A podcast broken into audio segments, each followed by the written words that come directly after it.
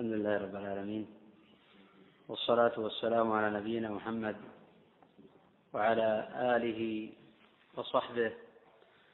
قال الإمام أبو عيسى الترمذي رحمه الله تعالى باب ما جاء في أي موضع أحرم النبي صلى الله عليه وسلم. أي هذا باب ما جاء في اختلاف الأحاديث الواردة عن رسول الله صلى الله عليه وسلم أو الواردة عن الصحابة في نقل موضع إحرام رسول الله صلى الله عليه وسلم. الحديث الواردة عن رسول الله صلى الله عليه وسلم أو الواردة عن الصحابة في نقل موضع إحرام رسول الله صلى الله عليه وسلم. جاء بعضها بأنه أحرم من البيداء وجاء بعضها بأنه أحرم من عند المسجد من عند الشجرة حين قام به بعيره. وقد أشار أبو عيسى رحمه الله تعالى في هذه الترجمة إلى هذا وذاك. قال رحمه الله حدثنا ابن أبي عمر. هو محمد ابن يحيى. في هذه الترجمة إلى هذا وذاك. قال رحمه الله حدثنا ابن أبي عمر. هو محمد ابن يحيى المدني. نزيل مكة. خرج له مسلم والنسائي وابن ماجه. وكان معروفا بكثرة الحج. وقد سئل الإمام أحمد عمن نكتب. فقال أما بمكة فابن أبي عمر. وقد مات بمكة لإحدى عشرة بقيت من ذي الحجة سنة ثلاث وأربعين ومائة أما بمكة فابن أبي عمر. وقد مات بمكة لإحدى عشرة بقيت من ذي الحجة سنة ثلاث وأربعين ومائتين. قال أخبرنا سفيان بن عيينة. هو أبو محمد الكوفي. مولى محمد بن حازم. سفيان بن عيينة هو أبو محمد الكوفي مولى محمد بن مزاحم. ولد سنة سبع ومائة. وهو متفق على إمامته وحفظه. قال سفيان للحسن ابن عمران بجمع آخر حجة حجها ومئة وهو متفق على إمامته وحفظه. قال سفيان للحسن ابن عمران بجمع آخر حجة حجها قد وافيت هذا الموضع قد وافيت هذا الموضع سبعين مرة. أقول في كل سنة اللهم لا تجعله آخر العهد من هذا المكان. وإني قد استحييت من الله من كثرة ما أسأله ذلك. فرجع فتوفي في هذه السنة. وقد مات في رجب سنة ثمان وتسعين ومائة عن جعفر فرجع فتوفي في هذه السنة. وقد مات في رجب سنة ثمان وتسعين ومائة عن جعفر بن محمد ابن علي ابن الحسين ابن علي ابن أبي طالب. أمه أم فروة بنت القاسم ابن محمد ابن أبي بكر الصديق. وأمها أسماء بنت عبد الرحمن ابن أبي بكر الصديق. ولذلك كان يقول ولدني أبو بكر مرتين. بنت عبد الرحمن ابن أبي بكر الصديق. ولذلك كان يقول ولدني أبو بكر مرتين. ووالده محمد بن علي هو أبو جعفر الباقر. كان من فقهاء التابعين من أهل المدينة. عن جابر بن عبد الله رضي الله عنهما قال لما أراد النبي صلى الله عليه وسلم الحج أذن في الناس. أي أمر من يؤذن في الناس. قال تعالى وأذن في الناس بالحج. الحج أذن في الناس. أي أمر من يؤذن في الناس. قال تعالى وأذن في الناس بالحج. أي نادي بينهم. أو أمر مناديا. بالحج. فاجتمعوا فلما أتى البيداء أحرم. وجاء هذا في حديث أنس. ثم ركب حتى استوت به على البيداء.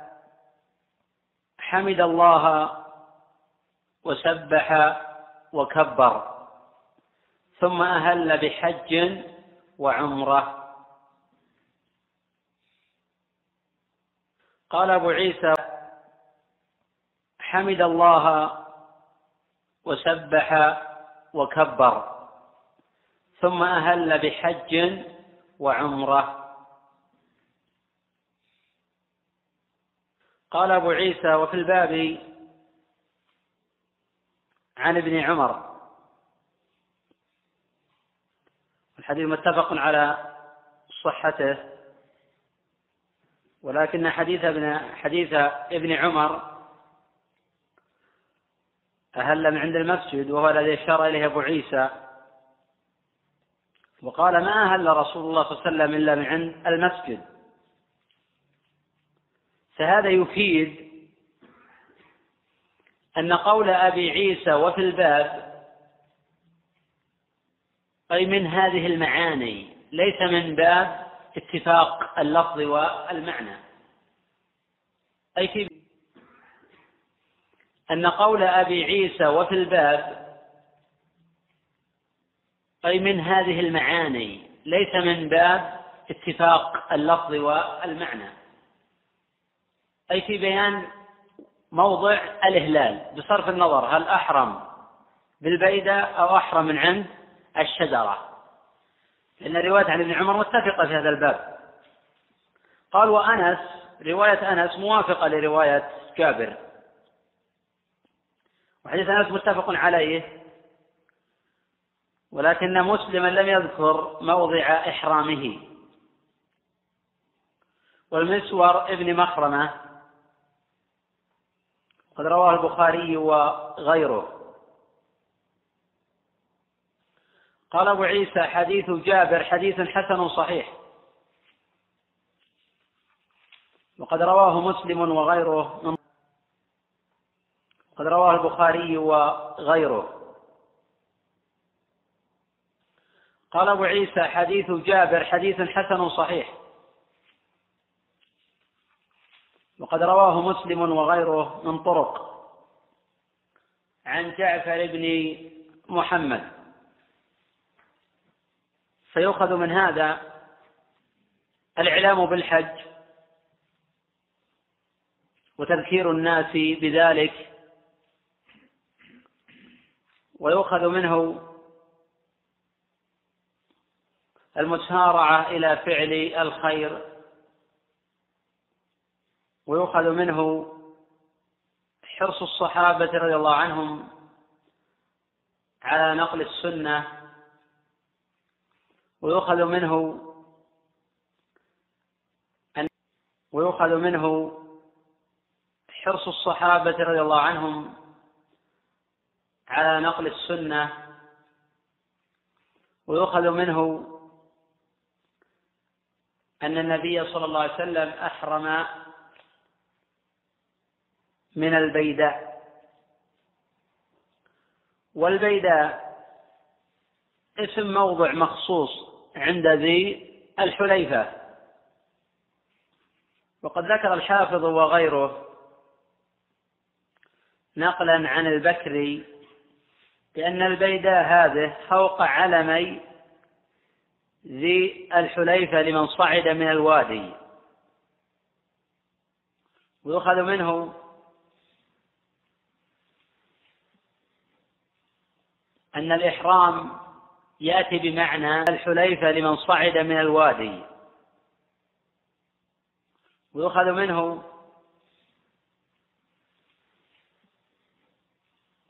أن الإحرام يأتي بمعنى الإهلال والدخول في النسك. ويؤخذ منه أن جابرا وغيره من الصحابة لم يحفظوا عن رسول الله صلى الله عليه وسلم في وقت إحرامه إلا حين أتى البيداء. وقد حفظ ابن عمر وغيره بأن النبي صلى الله عليه وسلم أحرم من عند المسجد. سيحمل. وقد حفظ ابن عمر وغيره بأن النبي صلى الله عليه وسلم أحرم من عند المسجد. سيحمل قول جابر أحرم أي كرر إحرامه فلم يسمعوه حين دخل بالنسك عند المسجد وسمعوه حين كرر ذلك في البيداء. فيؤخذ من هذا جواز تكرار الدخول في النسك من أجل التعليم. فلعل النبي صلى الله عليه وسلم كرر ذلك ليسمعه الصحابة ويح تكرار الدخول في النسك من أجل التعليم. فلعل النبي صلى الله عليه وسلم كرر ذلك ليسمعه الصحابة ويحفظوا عنه. فقد يكون سمعه في الثانية من لم يكن قد سمعه في الأولى. ولعل هو الجمع بين الروايات المختلفة. وتكرار هذا الأمر ليس به بأس. من أجل التعليم. ويؤخذ منه الجهر بالإهلال في النسك. فقد كان النبي صلى الله عليه وسلم والصحابة من بعده يجهرون بذلك. فمن أراد عمر بالإهلال في النسك. فقد كان النبي صلى الله عليه وسلم والصحابة من بعده يجهرون بذلك. فمن أراد عمرة يستحب أن يجهر بقوله لبيك عمرة. ومن أراد الحج متمتعا يستحب له يقول لبيك عمرة. ومن أراد القران يقول لبيك عمرة وحجا ومن أراد الإفراد يقول لبيك حجا أما قول بعض الفقهاء بأنه يستحب أن يقول اللهم إني أريد نسك كذا وكذا فيسره لي فهذا لا دليل عليه. وأن يقول اللهم إني أريد نسك كذا وكذا فيسره لي فهذا لا دليل عليه. ولم يثبت به نص. والنية محلها القلب. ولم يكن أحد من الصحابة رضي الله عنهم فيما أعلم وأحفظ كان يقول اللهم إني أريد نسك كذا وكذا. بل كانوا يلفظون بقولهم لبيك عمرة أو لبيك حجا أو لبيك عمرة وحجا. ولم يكن أحد منهم يقول اللهم إني أريد نسك كذا وكذا. هذا أمر ليس له أصل ولا دليل عليه. قد قال النبي صلى الله عليه وسلم من أحدث في أمرنا هذا ما ليس منه فهو رد. ولم يكن أحد منهم يقول اللهم إني أريد نسك كذا وكذا. هذا أمر ليس له أصل ولا دليل عليه. قد قال النبي صلى الله عليه وسلم من أحدث في أمرنا هذا ما ليس منه فهو رد. متفق على صحته من حديث عائشة رضي الله عنها. قال أبو عيسى حدثنا قتيبة بن سعيد أخبرنا حاتم بن إسماعيل عن موسى بن عقبة عن سالم بن عبد الله بن عمر عن ابن عمر قال البيداء التي تكذبون فيها على رسول الله صلى الله عليه وسلم. والله ما أهل رسول الله صلى الله عليه وسلم إلا من عند المسجد من عند الشجرة. قال أبو عيسى هذا حديث حسن صحيح. وقد رواه البخاري لم والله ما أهل رسول الله صلى الله عليه وسلم إلا من عند المسجد من عند الشجرة. قال أبو عيسى هذا حديث حسن صحيح.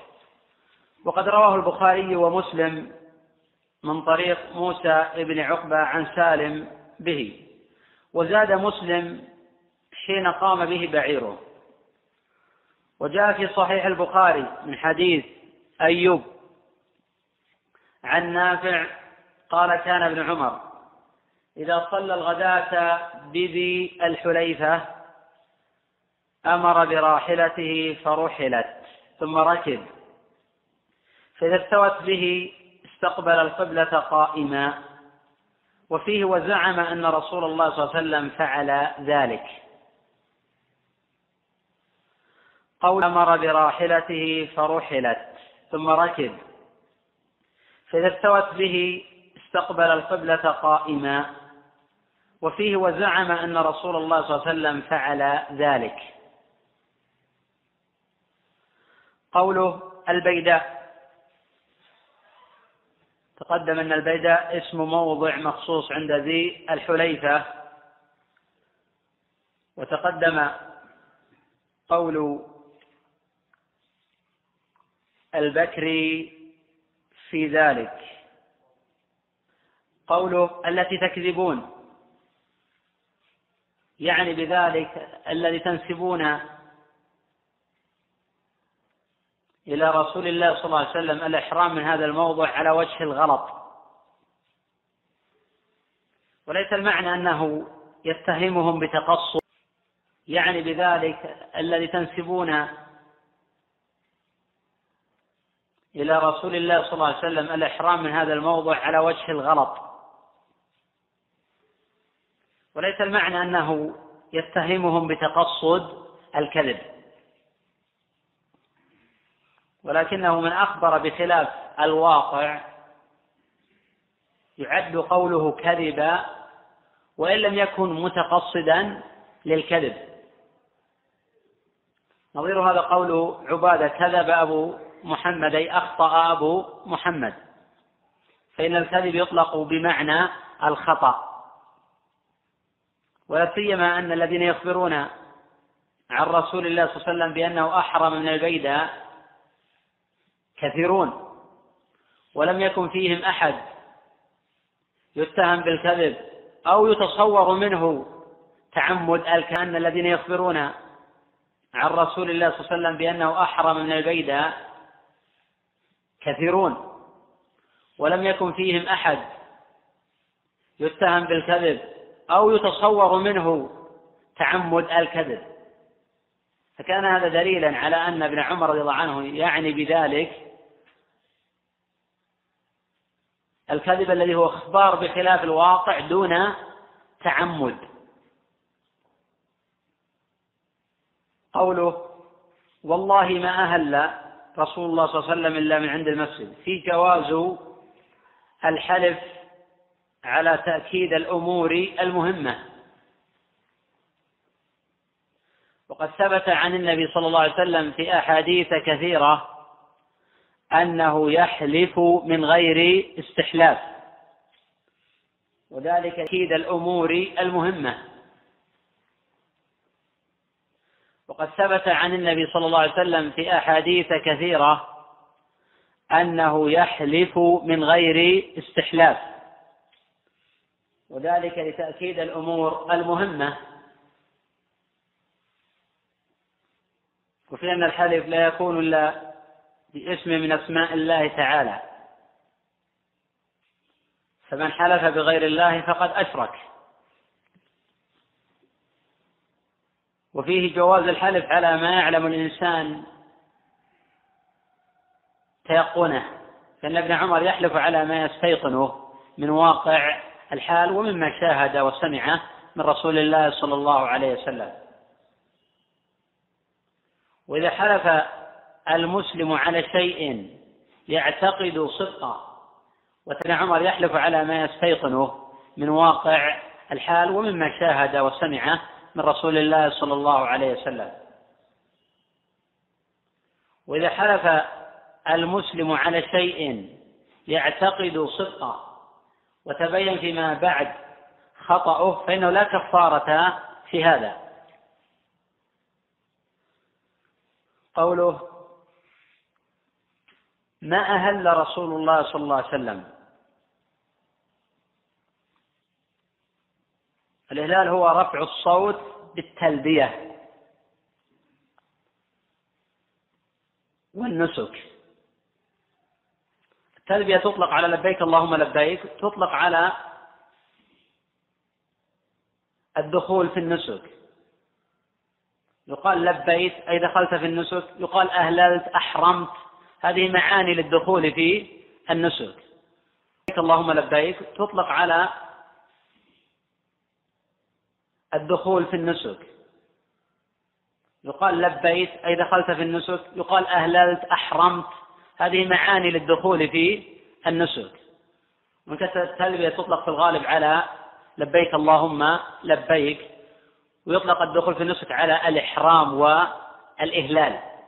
فجابر يقول أحرم وابن عمر يقول أهل.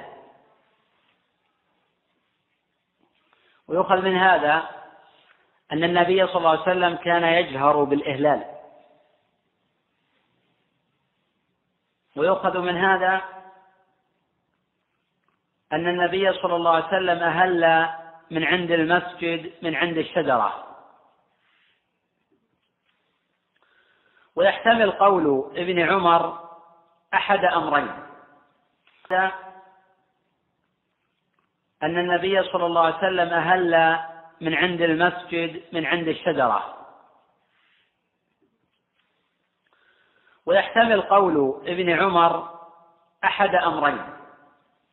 الأول أنه يقصد الإنكار على من يخص الإهلال بالقيام على شرف البيداء. ويحتمل أنه يعني أنه ما أهل رسول الله صلى الله عليه وسلم من البيداء أبدا. وأن من نقل عنه ذلك فقد غلط. وقد ذكر ابن حجر في فتح الباري أنه اتفق الفقهاء في الأمصار على جوده وأن من نقل عنه ذلك فقد غلط. وقد ذكر ابن حجر في فتح الباري أنه اتفق الفقهاء في الأمصار على جواز جميع ذلك وإنما الخلاف في الأفضل. وقد قال الإمام أحمد في رواية الأثرم وقد سئل أيما أحب إليك؟ الإحرام في دبر الصلاة أو إذا استوت به ناقته. قال كل قال كل هذا قد جاء.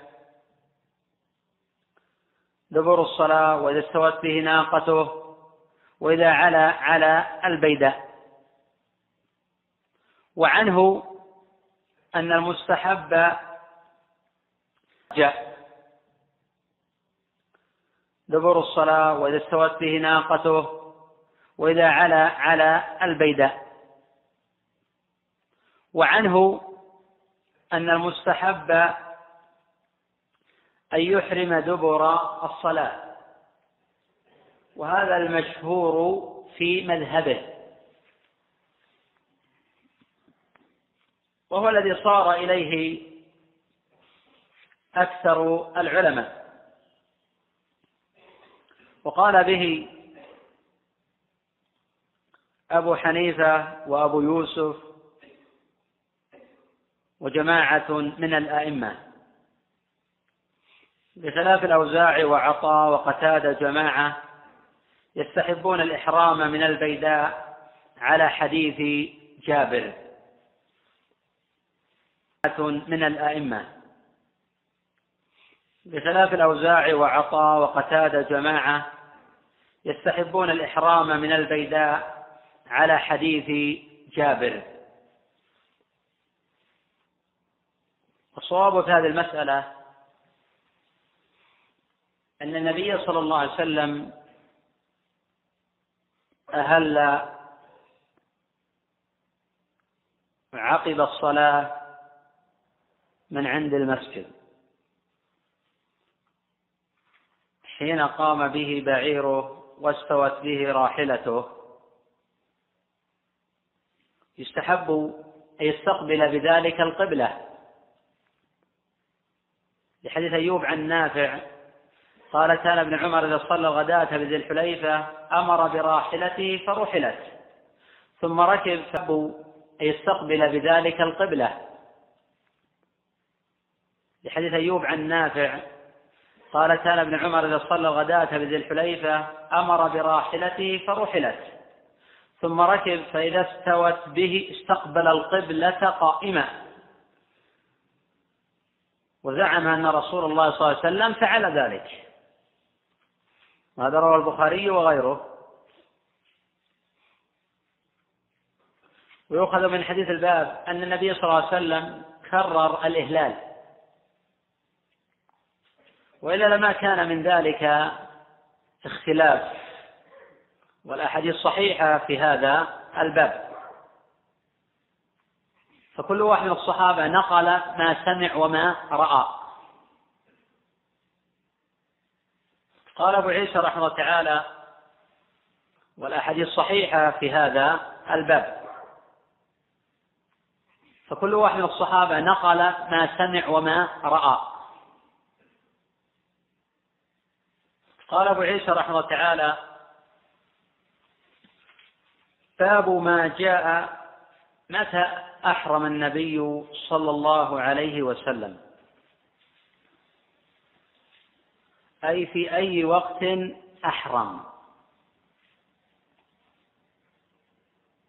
حدثنا قتيبة بن سعيد أخبرنا عبد السلام بن حرب عن خصيف عن سعيد بن جبير عن ابن عباس أن النبي صلى الله عليه وسلم أهل في دبر الصلاة. قال أبو عيسى هذا حديث غريب. وفي بعض النسخ هذا حديث حسن غريب. لا نعرف أحدا رواه غير غير عن ابن عباس أن النبي صلى الله عليه وسلم أهل في دبر الصلاة. قال أبو عيسى هذا حديث غريب. وفي بعض النسخ هذا حديث حسن غريب لا نعرف أحدا رواه غير عبد السلام بن حرب. وهذا الحديث رواه أحمد والنسائي والدارمي وأبو يعلى والطبراني في الكبير وغيرهم من طريق عبد السلام بن حرب. وقد قال الإمام أحمد كنا ننكر من عبد السلام شيئا. وقد خرج له الجماعة ووثقه أبو حاتم عفوا وثقه أبو حاتم والترمذي وآخرون. وقد مات سنة ست أو سبع وثمانين ومائة وقد روى عبد السلام هذا الخبر من عفوا وثقه أبو حاتم والترمذي وآخرون. وقد مات سنة ست أو سبع وثمانين ومائة وقد روى عبد السلام هذا الخبر عن خصيف ابن عبد الرحمن الجزري وهو معدود في الضعفاء. قال عنه الإمام أحمد رحمه الله تعالى ليس بحجة ولا قوي في الحديث. وقال مرة شديد الاضطراب في المسند. وذهب بعض المحدثين إلى تقوية أمره ولا سيما إذا حدث عنه ثقة. وذهب بعض المحدثين إلى تقوية أمره ولا سيما إذا حدث عنه ثقة. وقد قال ابن معين ليس به بأس.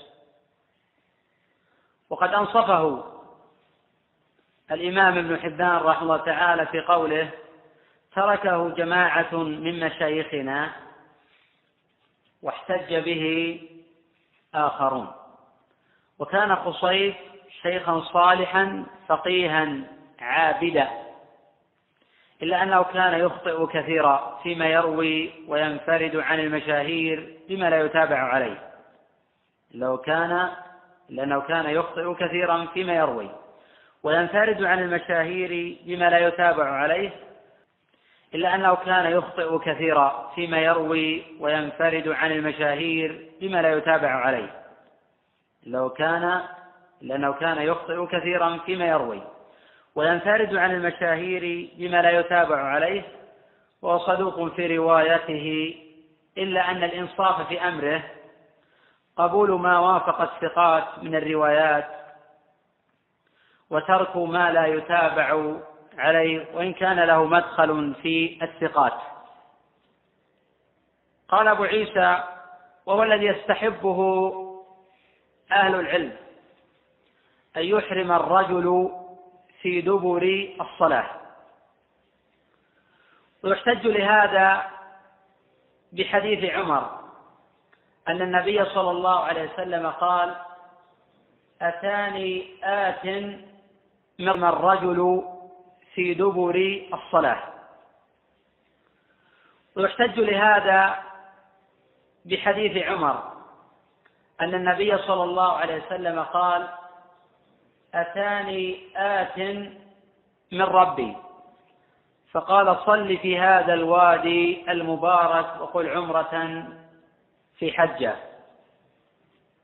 رواه البخاري وغيره. ويحتج بحديث ابن عباس. قال صلى رسول الله صلى الله عليه وسلم الظهر بذي الحليفة. ثم دعا بناقته فأشعرها ثم ركب فلما استوت به على البيداء أهل بالحج. رواه مسلم وغيره.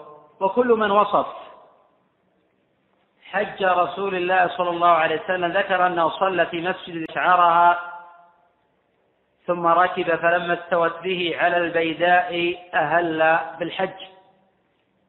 رواه مسلم وغيره. وكل من وصف حج رسول الله صلى الله عليه وسلم ذكر أنه صلى في مسجد ذي الحليفة وأحرم عقب ذلك. وهذا حيث يوافق صلاة. وإلا فلا يشرع أن يصلي ركعتين ليحرم عقبهما. ولم ينقل عن النبي صلى الله عليه وسلم أنه صلى للإحرام ركعتين غير الفريضة. فإذا لم يتفق له الإحرام عقب الفريضة فلا دليل على كونه يصلي ركعتين ليحرم بعدهما. والذين يستحبون الإحرام عقب فإذا لم يتفق له الإحرام عقب الفريضة فلا دليل على كونه يصلي ركعتين ليحرم بعدهما. والذين يستحبون الإحرام عقب ركعتين نفلا أو فرضا وهم الجمهور يحتجون بأن النبي صلى الله عليه وسلم أهل دبر الصلاة. وقد أفادت الروايات بأن هذه الصلاة فريضة. وقد يقال أيضا بأن هذه الفريضة إذا كانت في وادي العقيق لأنه واد مبارك. فقد قال له أيضا بأن هذه الفريضة إذا كانت في وادي العقيق لأنه واد مبارك. فقد قال له جبريل صل في هذا الوادي المبارك وقل عمرة في حجة. بحيث لو وافق فريضة في غير هذا الوادي لم يكن مستحبا يحرم عقب الفريضة. فتلخص من هذا ثلاثة مذاهب لأهل العلم. المذهب الأول أنه يستحب أن يحرم عقب الصلاة سواء كانت الصلاة فريضة أم نافلة. المذهب الأول أنه يستحب أن يحرم عقب الصلاة سواء كانت الصلاة فريضة أم نافلة. وهذا قول الجمهور. المذهب الثاني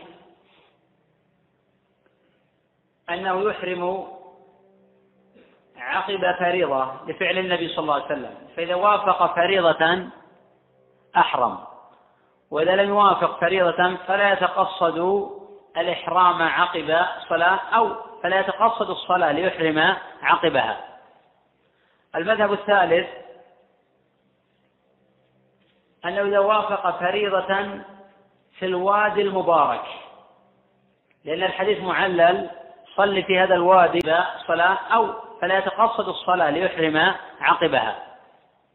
المذهب الثالث أنه إذا وافق فريضة في الوادي المبارك. لأن الحديث معلل صل في هذا الوادي المبارك. وإلا فلا يستحب ذلك. والقول باستحباب الإحرام عقب الصلاة يعني بأن النبي صلى الله عليه وسلم ما أهل من البيداء وإنما أهل من عند المسجد على رواية ابن عمر وأتقدم أن هذا هو الصواب. وأما حديث ابن عباس في الباب الذي أشار إليه أبو عيسى بأن النبي هل في دبر الصلاة؟ فقد اختصره أبو عيسى ابن عمر وأتقدم أن هذا هو الصواب. وأما حديث ابن عباس في الباب الذي أشار إليه أبو عيسى بأن النبي هل في دبر الصلاة؟ فقد اختصره أبو عيسى وقد رواه أبو داود مطولا. من طريق عبد السلام بن حرب عن خصيف عن سعيد بن جبير. قال قلت لابن عباس يا أبا العباس عجبت لاختلاف أصحاب رسول الله صلى الله عليه وسلم في إهلال رسول الله صلى الله عليه وسلم حين أوجب. فقال إني لأعلم الناس بذلك. إنما كانت من رسول الله صلى الله عليه وسلم حجة واحدة. فمن هناك اختلفوا. خرج رسول الله صلى الله عليه وسلم حاجة. فلما صلى في مسجده بذي الحليفة ركعتيه أوجب في مجلسه. فأهل بالحج حين فرغ من ركعتيه. رسول الله صلى الله عليه وسلم حجة واحدة. فمن هناك اختلفوا. خرج رسول الله صلى الله عليه وسلم حاجة. فلما صلى في مسجده بذي الحليفة ركعتيه أوجب في مجلسه. فأهل بالحج حين فرغ من ركعتيه فسمع ذلك منه أقوام فحفظته عنه. ثم ركب فلما استقلت به ناقته أهل وأدرك ذلك منه أقوام. وذلك أن الناس إنما كانوا يأتون أرسالا فسمعوه حين استقلت به ناقته يهل. فقالوا إنما هل رسول الله صلى الله عليه وسلم حين استقلت به ناقته. ثم مضى رسول الله صلى الله عليه وسلم فلما علا على شرف البيداء أهل وأدرك ذلك منه أقوام فقالوا إنما هل حين علا على شرف البيداء. وأيم الله لقد أوجب في مصلاه وأهل حين استقلت به ناقته وأهل حين علا على شرف البيداء. رسول الله صلى الله عليه وسلم فلما علا على شرف البيداء أهل وأدرك ذلك منه أقوام فقالوا إنما هل حين علا على شرف البيداء. وأيم الله لقد أوجب في مصلاه وأهل حين استقلت به ناقته وأهل حين علا على شرف البيداء. تقدم قبل قليل بأن هذا الخبر معلول. وهو الذي قال عنه أبو عيسى هذا حديث غريب. وفي بعض النسخ حسن غريب. لا نعرف أحدا رواه غير عبد السلام بن حرب. قد قال أحمد ننكر من عبد السلام شيئا. وخصيف قال عنه الإمام أحمد شديد الاضطراب في المسند وقال عنه ليس بحجة ولا قوي في الحديث. تقدم قول ابن حبان في شأن خصيف فلعل النبي صلى الله عليه وسلم أحرم عقب الصف في المسند وقال عن ليس بحجة ولا قوي في الحديث. تقدم قول ابن حبان في شأن خصيف فلعل النبي صلى الله عليه وسلم أحرم عقب الصلاة حين ركب ناقته من عند المسجد وحين قام به بعيره. ثم أعاد النبي صلى الله عليه وسلم أو كرر الإحرام ليأخذ عنه من لم يكن قد سمعه من قبل. مسألة اختلف العلماء الذين يقولون باستحباب الإحرام عقب صلاة هل ينشئ صلاة في وقت النهي؟ أو مسألة اختلف العلماء الذين يقولون باستحباب الإحرام عقب صلاة هل ينشئ صلاة في وقت النهي؟ قولان عندهم. القول الأول أنه يستحب ذلك. لأن هذه الصلاة معدودة من ذوات الأسباب. القول الثاني أن هذا لا يستحب. لأن هذه ليست من ذوات الأسباب ولأن النبي صلى الله عليه وسلم نهى وفي طائفة من العلماء لا يرون أداء ذوات الأسباب في أوقات النهي فيمنعون من ذلك مطلقا. وهم الجمهور.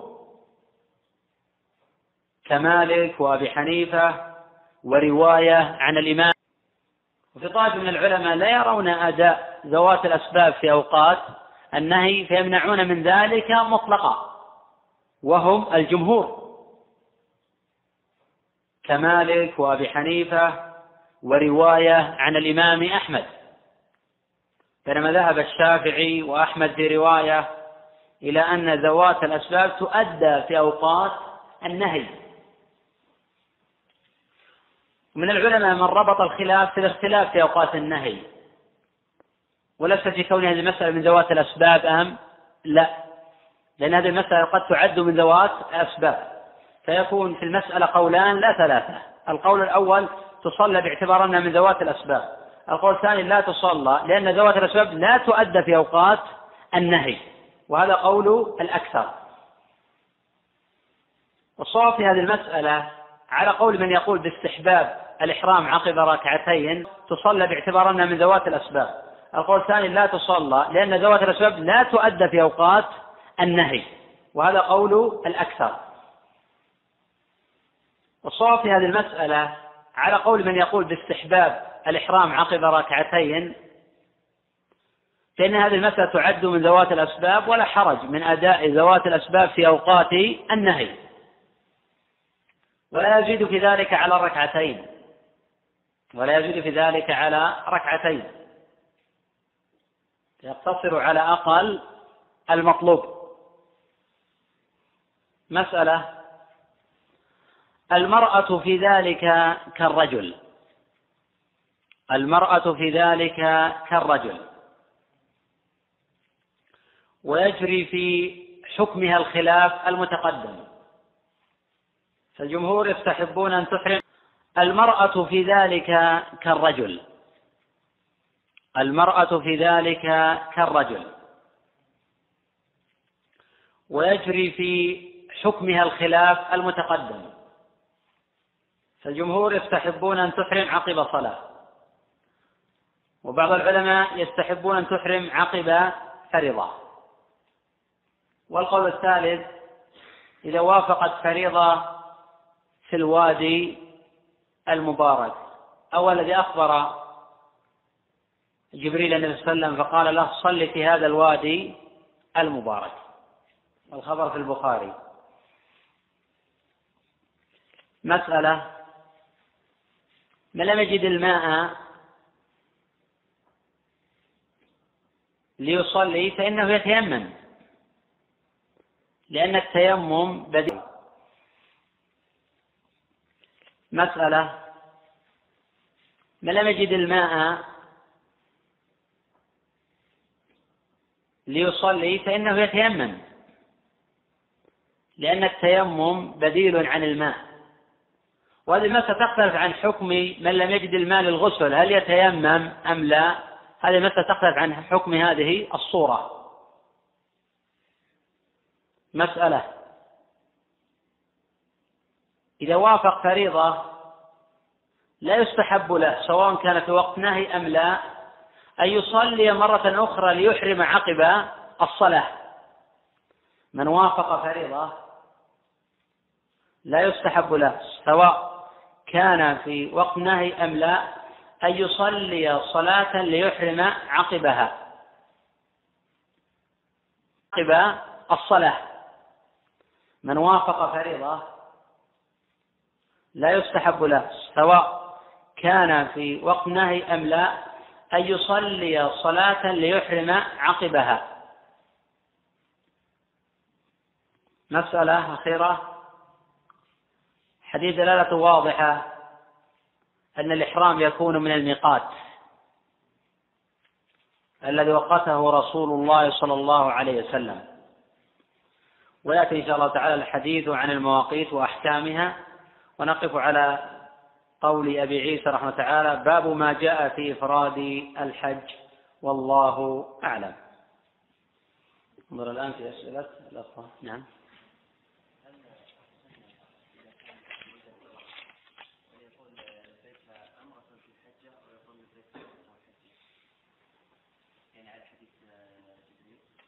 جاءت الرواية.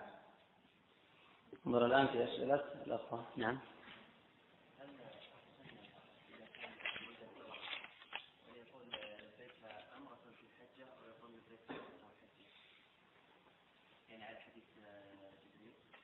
جاءت الرواية هذا وجاءت الرواية هذا. لا حرج يقول هذا ولا حرج يقول هذا. لا حرج يقول لبيك عمرة وحجة ولا حرج يقول لبيك عمرة في حجة. كل هذا وارد. لينبه عليه أن المتمتع إذا أراد أن يحج يقول لبيك عمرة فقط. العامة يقولون لبيك عمرة متمتعا بها إلى الحج وهذا لا دليل عليه. المحفوظ في حديث عائشة الصحيح في غيرهما أن الصحابة حين كانوا متمتعين كانوا يقتصرون على مجرد التلبية بالعمرة فكانوا يقولون لبيك عمرة. وإذا كان يوم التروية يهلون أن الصحابة حين كانوا متمتعين كانوا يقتصرون على مجرد التلبية بالعمرة فكانوا يقولون لبيك عمرة. وإذا كان يوم التروية يهلون بالحج ويوم التروية هو اليوم آه، الثامن. وأما المفرد فيقول لبيك حجا. وأما القارن فيقول لبيك حجا وعمرة أو يقول لبيك عمرة في حج أو يقول لبيك عمرة وحجة لا حرج من ذلك. اي نعم. لا يعرفون. الأخ يقول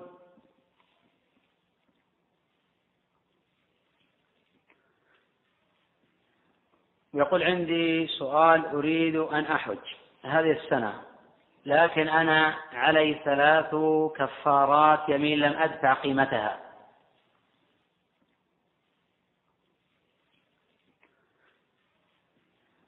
يقول عندي سؤال أريد أن أحج هذه السنة لكن أنا علي ثلاث كفارات يمين لم أدفع قيمتها. هل تعتبر دينا علي أم أدفع قيمتها وأحج وهل أدفع قيمة كفارة واحد تكفي أم أدفع لكل كفارة قيمتها؟ أولا أكثر الأئمة لا يجوزون دفع القيمة عن كفارة اليمين لأن الله جل وعلا قال فإطعام عشرة مساكين من أوسط ما تطعمون أهليكم أو كسوتهم أو تحرير رقبة فمن لم يجد فصيام ثلاثة أيام ذلك كفارة أيمانكم. الأمر الثاني لأن الله جل وعلا قال فإطعام عشرة مساكين من أوسط ما تطعمون أهليكم أو كسوتهم أو تحرير رقبة فمن لم يجد فصيام ثلاثة أيام ذلك كفارة أيمانكم. الأمر الثاني أن الكفارة أو أن هذه الكفارات إما أن تكون من جنس واحد أو من أجناس مختلفة. فإن كانت من جنس واحد فتجزئ كفارة عن الجميع. وإن كانت من أجناس مختلفة فقولان للعلماء. القول الأول تكفي كفارة واحد عن الجميع. القول الثاني لكل يمين كفارته. وهذا بمنزلة من جامع في نهار رمضان ثم لم يكفر ثم جامع من الغد. فقولان للعلماء. القول الأول تكفي كفارة واحد على الجميع. القول الثاني لكل يمين كفارته. وهذا بمنزلة من جامع في نهار رمضان ثم لم يكفر ثم جامع من الغد. قولا للعلماء. القول الأول عليه كفارتان. القول الثاني عليه كفارة واحدة. الذي يقول عليه كفارة واحدة يقول لأنه لم يكفر والشهر بمنزلة اليوم الواحد. والذي يقول عليه كفارتان يقول لكل يوم حرمته. ويقول في هذه المسألة بأنه آه، حلف على شيء ثم لم يفيد لزمته الكفارة. ثم حلف على نوع آخر هذا يختلف عن هذا ولعل هذا القول آه، أحوط. ومن صار إلى الآخر بفتوى من عالم فلا تثريب عليه. وفي نفس الوقت من دفع مالا لمؤسسة خيرية أو لجمعية خيرية أو لشخص يقوم عنه بالكفارة فلا حرج من ذلك. لكن لا هذا ولعل هذا القول آه، أحوط. ومن صار إلى الآخر بفتوى من عالم فلا تثريب عليه. وفي نفس الوقت من دفع مالا لمؤسسة خيرية أو لجمعية خيرية أو لشخص يقوم عنه بالكفارة فلا حرج من ذلك. لكن لا يدفع المال عوضا عن الكفارة. وإنما يدفع المال ليشترى بهذا المال كفارة وتبذل للفقراء الأمر المتعلق بسؤال الأخ يقول هل تعتبر دينا علي؟ نعم هي دين. الكفارة تعتبر دين لأن الدين يعتبر دينا لأن الديون أنواع. دين متعلق بحق دين متعلق بحق المخلوق. ودين يعتبر مشتركا آه، بينهما. فهذه الكفارة تعتبر دينا يجب عليه أداؤها قبل أن يحج. ولا حرج أن يحج وأن يدفعها في الحج للفقراء والمساكين. المخلوق. ودين يعتبر مشتركا آه، بينهما. فهذه الكفارة تعتبر دينا يجب عليه أداؤها قبل أن يحج. ولا حرج أن يحج وأن يدفعها في الحج للفقراء والمساكين نعم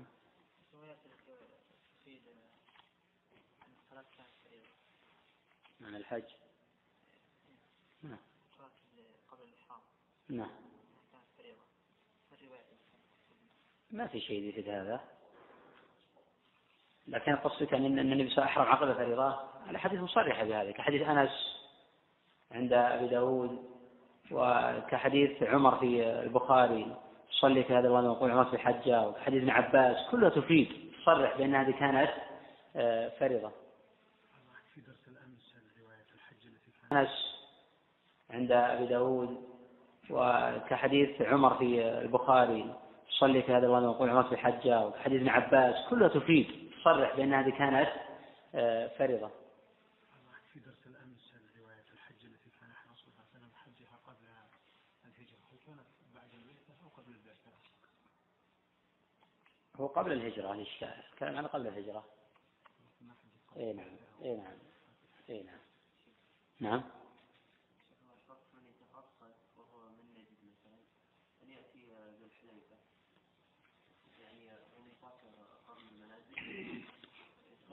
يعني من أهل المدينة.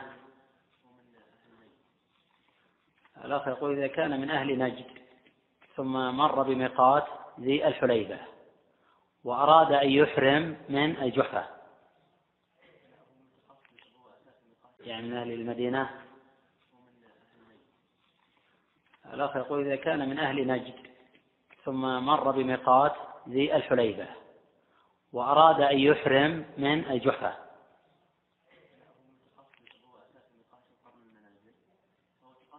ما في مانع. ما في مانع. إذا كان الإنسان من نجد ثم مر بمقاتل المدينة ثم ذهب للجحفة فلا حرج. وإذا كان من أهل المدينة فلا يحل له أن يذهب للجحفة منه. والقول الثاني في المسألة بالنسبة لأهل نجد لو مر بمقاتل أهل المدينة ثم أراد يذهب لقرن المنازل في من جوز هذا؟ ولعله الأقرب للصواب. أو كم مر بقرن المنازل ثم أراد يحرم من يلملم أو أراد يحرم من آه، الجحفة أو أراد يحرم من ذي الحليفة. القول بجواز هذا قول قوي لأن النبي صلى الله عليه وسلم قال هن لهن ولمن مر بقرن المنازل أراد يحرم من يلملم أو أراد يحرم من آه، الجحفة أو أراد يحرم من ذي الحليفة. القول بجواز هذا قول قوي لأن النبي صلى الله عليه وسلم قال هن لهن ولمن أتى عليهن من غير أهلهن ممن يريد الحج. فإذا الحكم متعلق بإرادة الحج. فحين تجاوز الميقات لم يكن قاصدا للحج. ولو كان مجرد النية كافية لكان الإنسان محرما من خروجه من بيته. فعلم من الحكم متعلق بالنية المقصودة لذات الإحرام. الجمهور يمنعون من ذلك مطلقا. ويقولون لا يح... إذا مر بميقات يحرم هذا الميقات ولا يجوز يتجاوزه. لكن مالك وجماعة جوزوا بالنسبة لأهل المدينة. آه، بالنسبة لغير أهل المدينة إذا مر مثلا نجدي بميقات أهل المدينة جوز مالك وغيره أن يحرم من الجحر لأن هذا ليس ميقاتا. الجمهور يمنعون من ذلك مطلقا. ويقولون لا يح... إذا مر بميقات يحرم هذا الميقات ولا يجوز يتجاوزه. لكن مالك وجماعة جوزوا بالنسبة لأهل المدينة. آه، بالنسبة لغير أهل المدينة إذا مر مثلا نجدي بميقات أهل المدينة جوز مالك وغيره أن يحرم من الجحر لأن هذا ليس ميقاتا له. أما بالنسبة لأهل المدينة فالجمهور يمنعون. سواء أراد يذهب للسير أو غيره كذلك بالنسبة ل آه، نجد مر بقرن منازل. الجمهور يمنعونه أن يحرم من يلملم ويمنعون أن يحرم من آه، الجحفة ويفرقون بينه وبين من مر بالحليفة ثم يحرم الجحفة لأن هذا في الطريق. لأن هذا في الطريق. ولكن قد يقال بالجواز إذا لم يكن قاصدا في هذه الحالة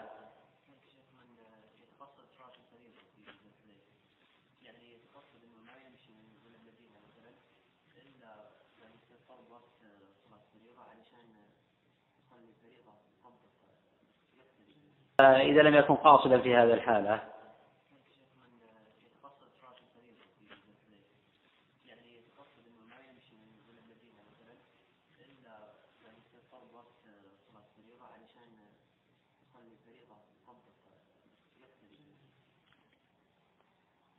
يعني واضح نفس اللي جبنا عنه هذا.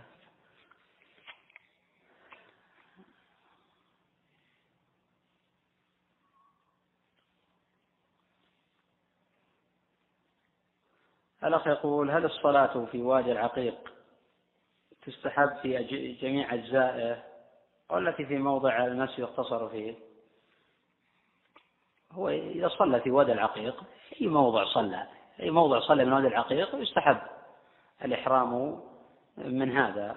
يعني وادي العقيق لا يختص فقط بموضع الصلاة. إذا صلى في وادي العقيق فإن هو إذا صلى في وادي العقيق أي موضع صلى؟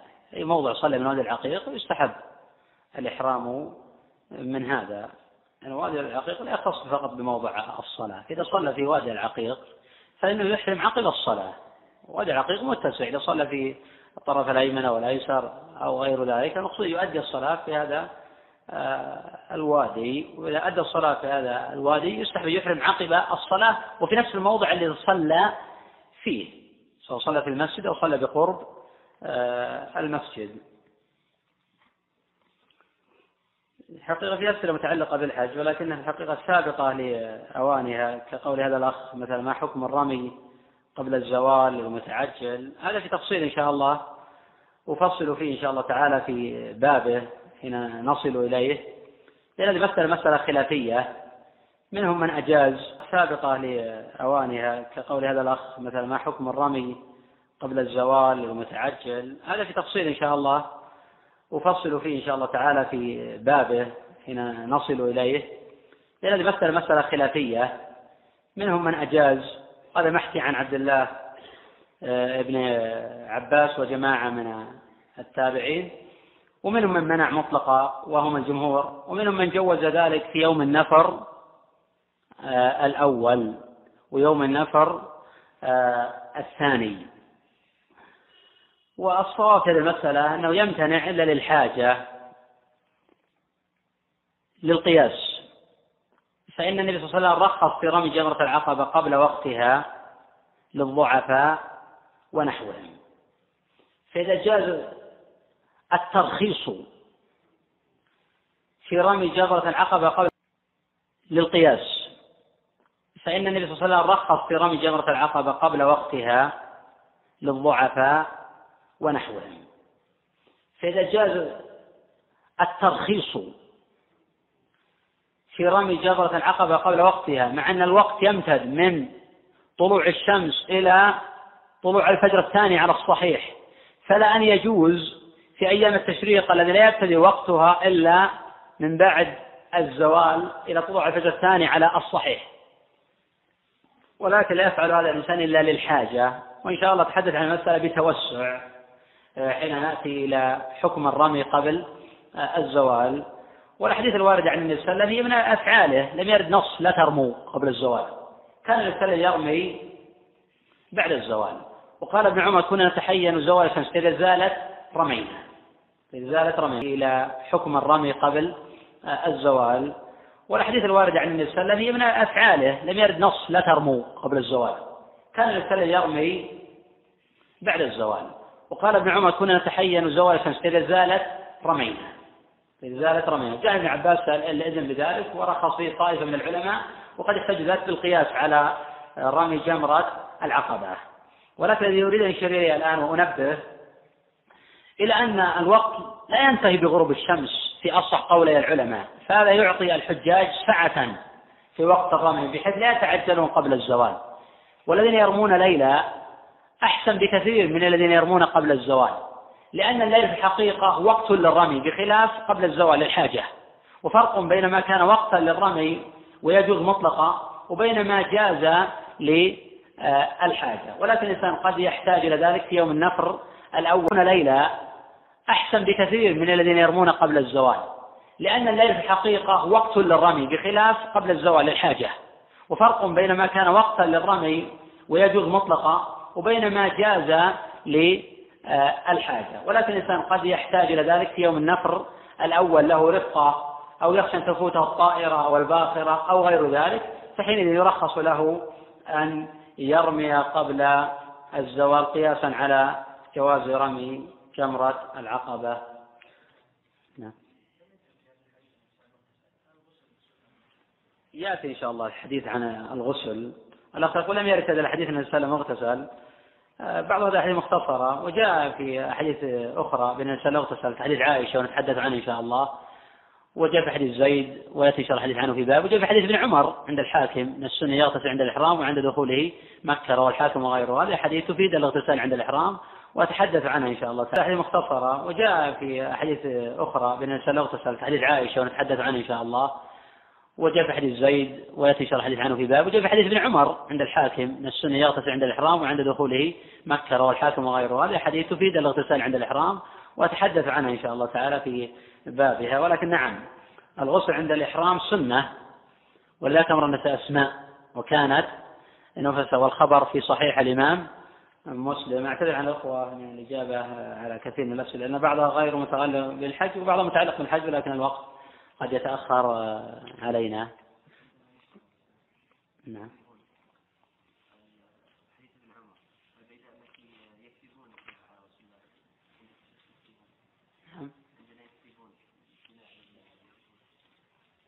تكذبون نعم. كل واحد لا يحدث تكذبون تكذبون. معنى واحد. بالتاء أو بالياء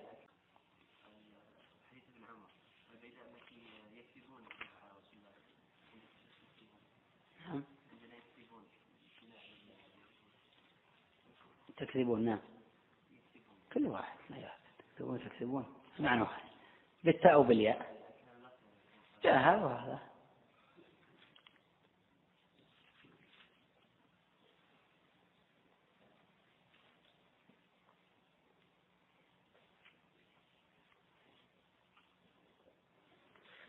هذا سؤال صاحبه مستعجل يجيب عنه على عجل ثم ننتقل لشرح التوحيد. الأخ يقول يحبك في الله نقول أحبك الله حبكني في جزاك الله خيرا.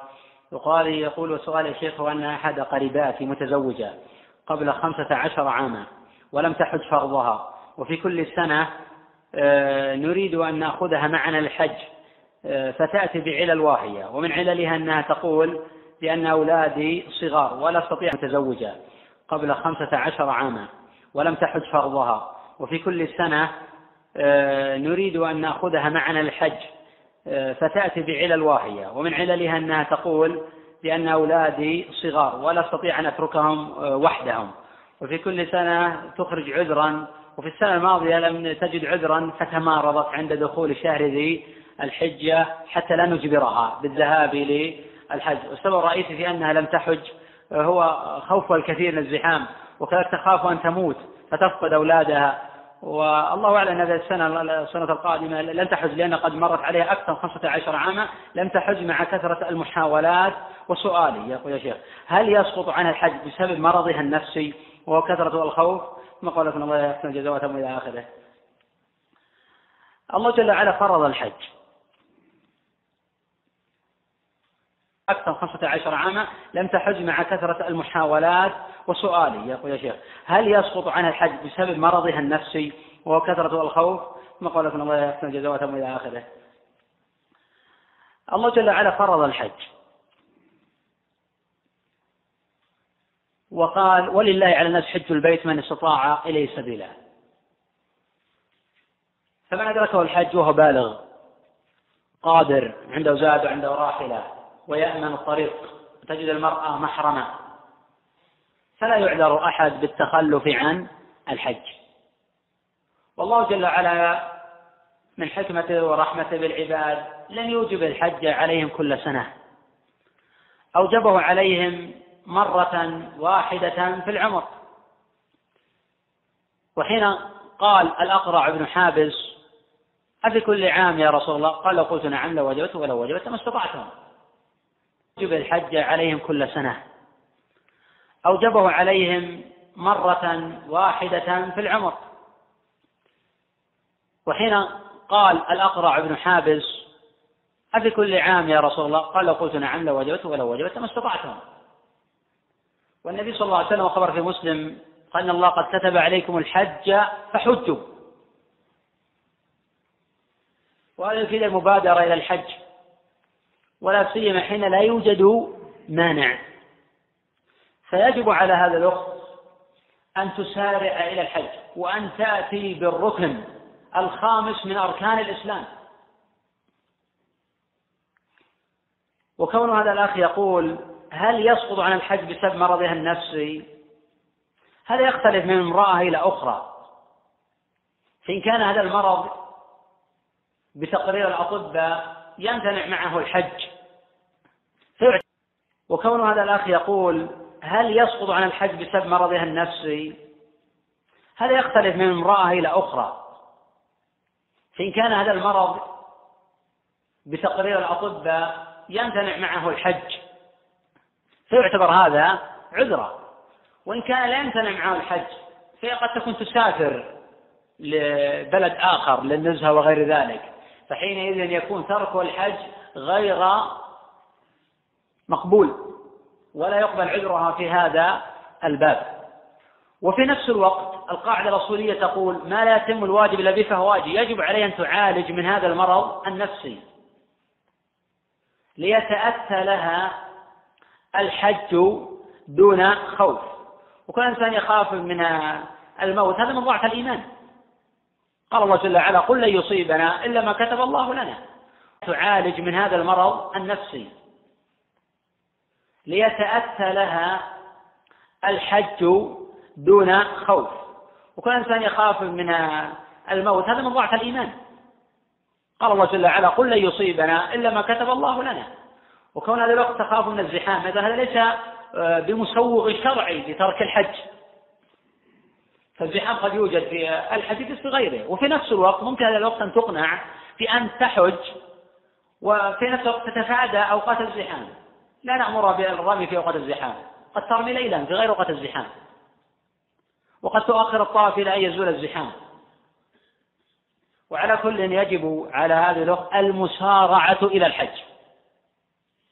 وإذا أعياها المرض من المسارعة إلى الحج أن تعمل الأمور الواجبة من العلاج عند الأطباء النفسيين لتتفادى هذا الخوف. على هذه الأخت المسارعة إلى الحج. وإذا أعياها المرض من المسارعة إلى الحج أن تعمل الأمور الواجبة من العلاج عند الأطباء النفسيين لتتفادى هذا الخوف. ولا سيما أن الأخ يقول حين لم تجد عذرا في إحدى السنوات يقول تمارضت. فحينئذ يجب على هذه الأخت أن تسارع لئلا تموت وهي لم تحج فتكون مرتكبة لكبيرة من كبائر الذنوب بل بعض العلماء يرى أنها كافرة لو ماتت على الحالة. وهذا الذي يفهم من قول عمر فلا عليه أمة يهوديا أو نصراني. وهذا وهذه رواية عن الإمام أحمد. أن من ترك الحج متعمدا ورفض يحج يعتبر كافرا. فلما ذهب الجمهور لأنه يعتبر فاسقا ضالا منحرفا ولا يكفر. لأن هؤلاء يقولون آه، بأن لا يكفر إلا بترك الشهادتين. وعن أحد الرواية يكفر أيضا بترك الصلاة. الإمام أحمد أن من ترك الحج متعمدا ورفض يحج يعتبر كافرا. فلما ذهب الجمهور لأنه يعتبر فاسقا ضالا منحرفا ولا يكفر. لأن هؤلاء يقولون آه، بأن لا يكفر إلا بترك الشهادتين. وعن أحد الرواية يكفر أيضا بترك الصلاة. ورواية بترك أحد مباني الإسلام. وهذا قول سعيد بن جبير والحاكم النافع وجماعة من الأئمة. وعلى كل فالأمر عظيم. ومتعلق بركن من أركان الإسلام. والله أعلم. نعم. والحاكم النافع وجماعة من الأئمة. وعلى كل فالأمر عظيم. ومتعلق بركن من أركان الإسلام. والله أعلم. نعم. والله أعلم. نعم.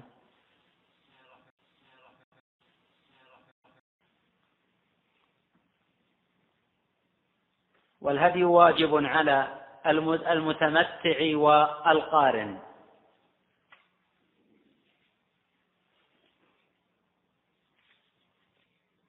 النبي صلى الله عليه وسلم لم يحج بعد الهجرة إلا حجة واحدة. وفي نفس الوقت اختلفت الأحاديث في صفة حجه صلى الله عليه وسلم. فمنهم من قال بأنه حج مفردا ومنهم من قال بأنه حج قارنا ومنهم من قال بأنه حج متمتعا. ويأتي إن شاء الله توجيه هذه الأحاديث وبيان الراجح وأنه صلى الله عليه وسلم حج قارنا. وقد قال الإمام أحمد رحمه تعالى لا أشك في هذا. وقد قال الإمام أحمد رحمه تعالى لا أشك في هذا.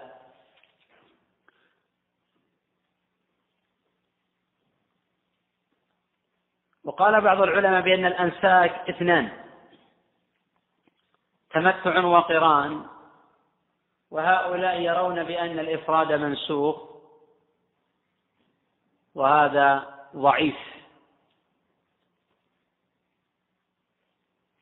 وقد ذكرت عائشة رضي الله عنها الأنساك الثلاثة وذكرت حكم كل و... حكم كل واحد منهما في حجته مع رسول الله صلى الله عليه وسلم. وقد توهم بعض الناس بأن هذا مذهب ابن عباس وابن القيم وجماعة أن هذا مذهب ابن عباس وابن القيم وجماعة وهذا غير صحيح. فإن الذين يوجبون التمتع لا يقولون بنسخ الإفراد. فيجوزونه لأهل مكة ويجوزونه لمن تضايق عليه الأمر. فالإفراد ثابت. وقد صار إليه جمع غفير من العلماء. ولكن الذين يقولون بالإفراد يختلفون في صفته. فكثير من المتأخرين يقولون عن الإفراد بأنه الإهلال بالحج وحده في أشهره. والاعتمار بعد الفراغ من أعمال وهذه العمرة ليست بواجبة عندهم. وهذا فيه نظر. فإن الذين يقولون بالإفراد من الصحابة والأئمة الكبار لا يقولون بالعمرة بعد الحج. لأن الذين حجوا مع رسول الله صلى الله عليه وسلم مفردين لم يعتمر منهم أحد بعد الحج. ولا ذكر عن أحد من الصحابة قط. أنه كان يعتمر بعد الحج. باستثناء ما نقل عن عائشة رضي الله عنها. وذلك حين أهلت بالعمرة فحاضت فقالت يرجع الناس بحج وعمرة وأرجع بحج وحده فألحت على رسول الله صلى الله عليه وسلم فأذن لها بأن تعتمر بعد حجها. ولا ندب النبي صلى الله عليه وسلم أمته إلى هذا الفعل.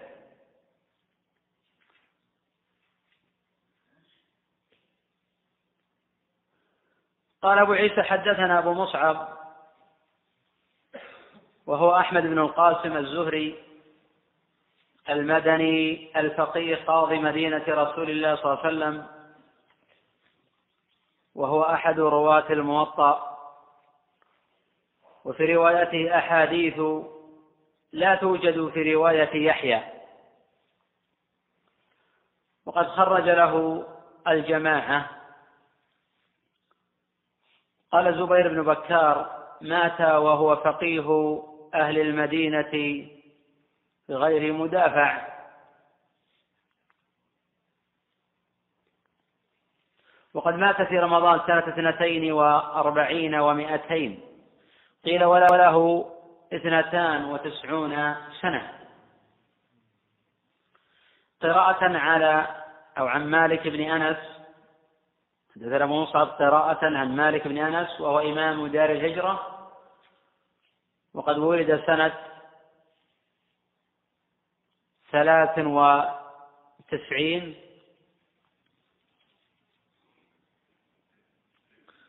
ومات سنة تسع وسبعين ومائة عن عبد الرحمن بن القاسم ابن محمد بن أبي بكر الصديق عن أبيه القاسم بن عن عائشة أم المؤمنين أن رسول الله صلى الله عليه وسلم أفرد الحج.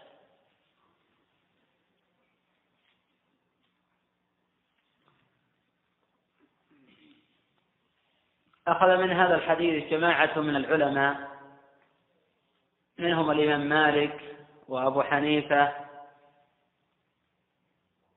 عفوا منهم الإمام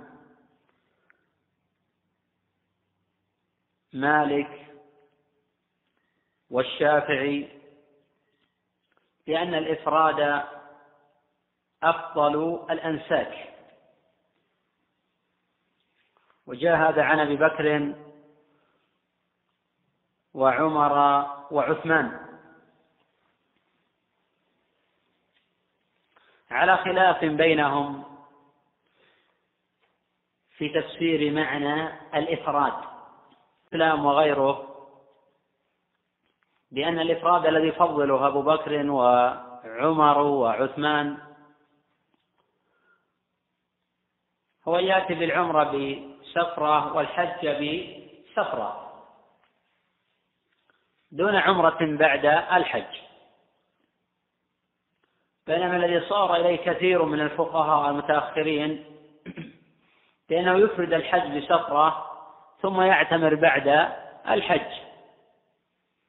وهذا في نظر.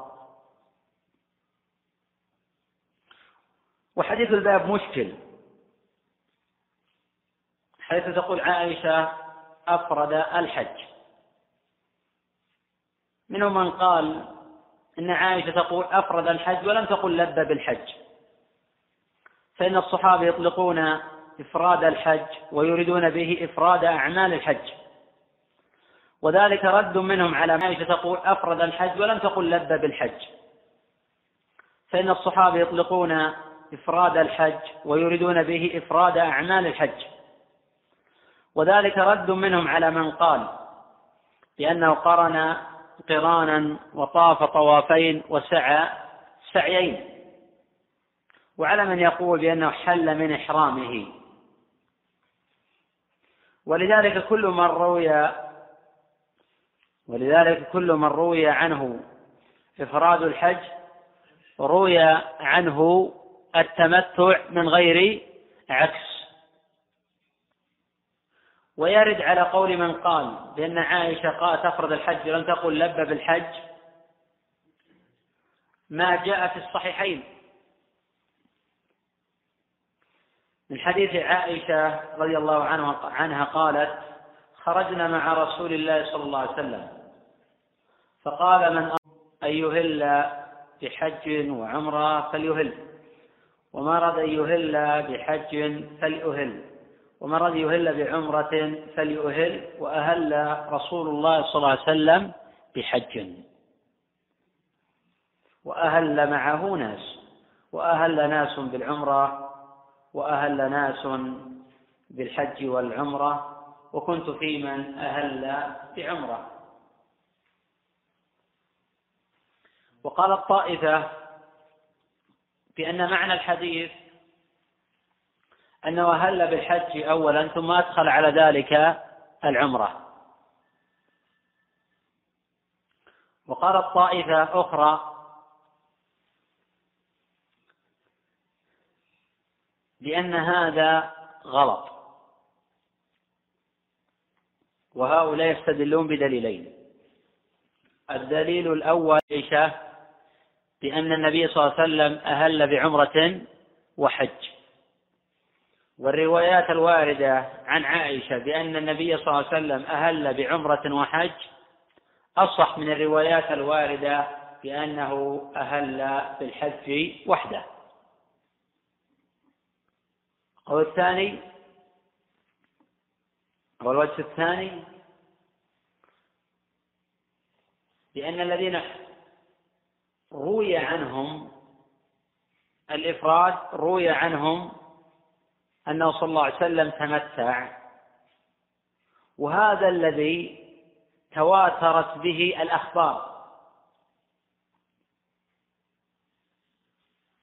الصحابة رضي الله عنهم يطلقون التمتع يريدون به الجمع بين الحج والعمرة. وقد يطلقونه ويريدون به التمتع وقد يطلقونه ويريدون به التمتع الخاص وهو الإهلال بعمرة ثم الإهلال بالحج في نفس العام.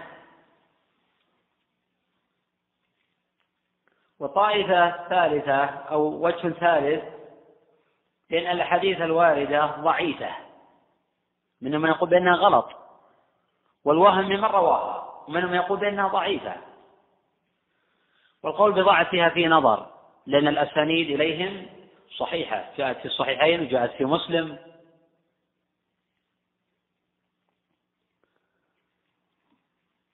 والإشكال في هذا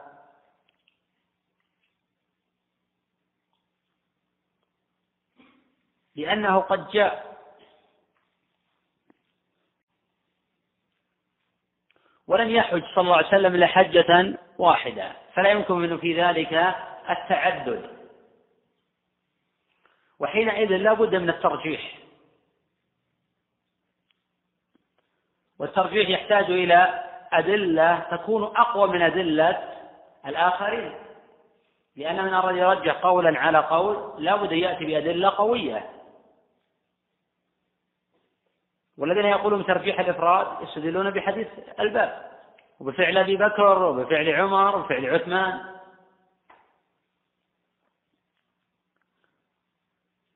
والذين يقولون بأن النبي صلى الله عليه وسلم لم يحج مفردا لتواتر هذا وروده عنه صلى الله عليه وسلم في أكثر من عشرين حديثا. وفي نفس الوقت يقولون كل من روي عنه إفراد الحج روي عنه التمتع من غير عكس. وفي نفس الوقت يجيبون عن حديث أفرد الحج لأن الصحابة يطلقون إفراد الحج ويريدون به إفراد أعمال الحج. وذلك رد منهم على من قال بأنه قرن قرانا طاف فيه طوافين وسعى فيه سعيين.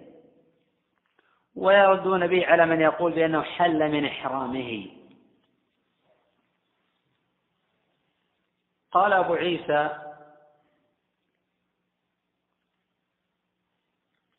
وفي الباب عن جابر. رواه ابن ماجه وغيره أن رسول الله صلى الله عليه وسلم أفرد الحج. وهذا فيه نظر. والمحفوظ والمحفوظ في طرق حديث جابر ليس فيه شيء من هذا. وقد جاء عن جابر من طرق في الصحيحين وغيرهما. أنه حج مع النبي صلى الله عليه وسلم عام ساق الهدي معه وقد أهلوا بالحج مفردا. فأمرهم رسول الله صلى الله عليه وسلم حين طافوا وسعوا بالحل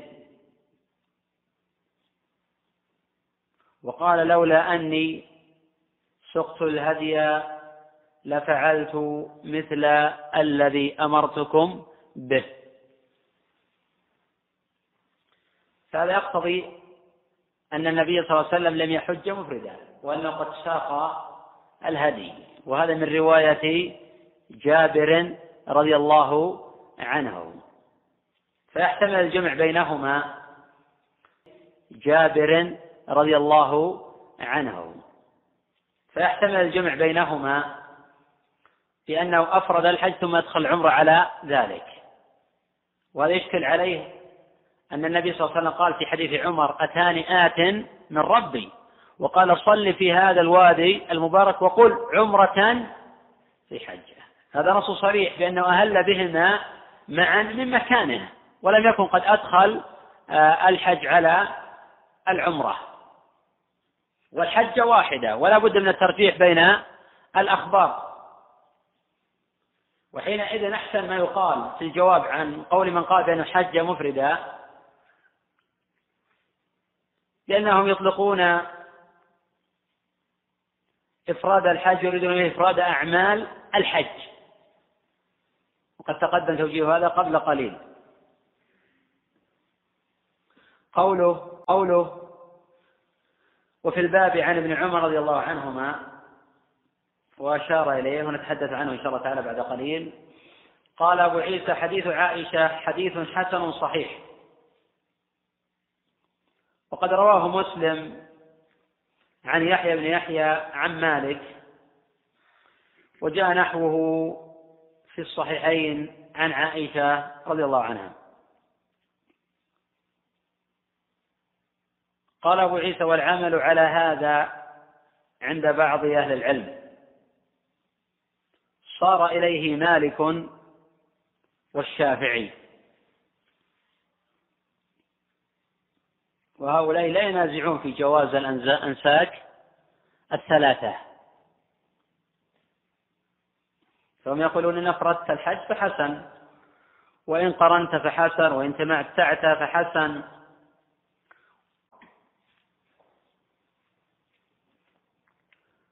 قال أبو عيسى وروي عن ابن عمر أن النبي صلى الله عليه وسلم أفرد الحج.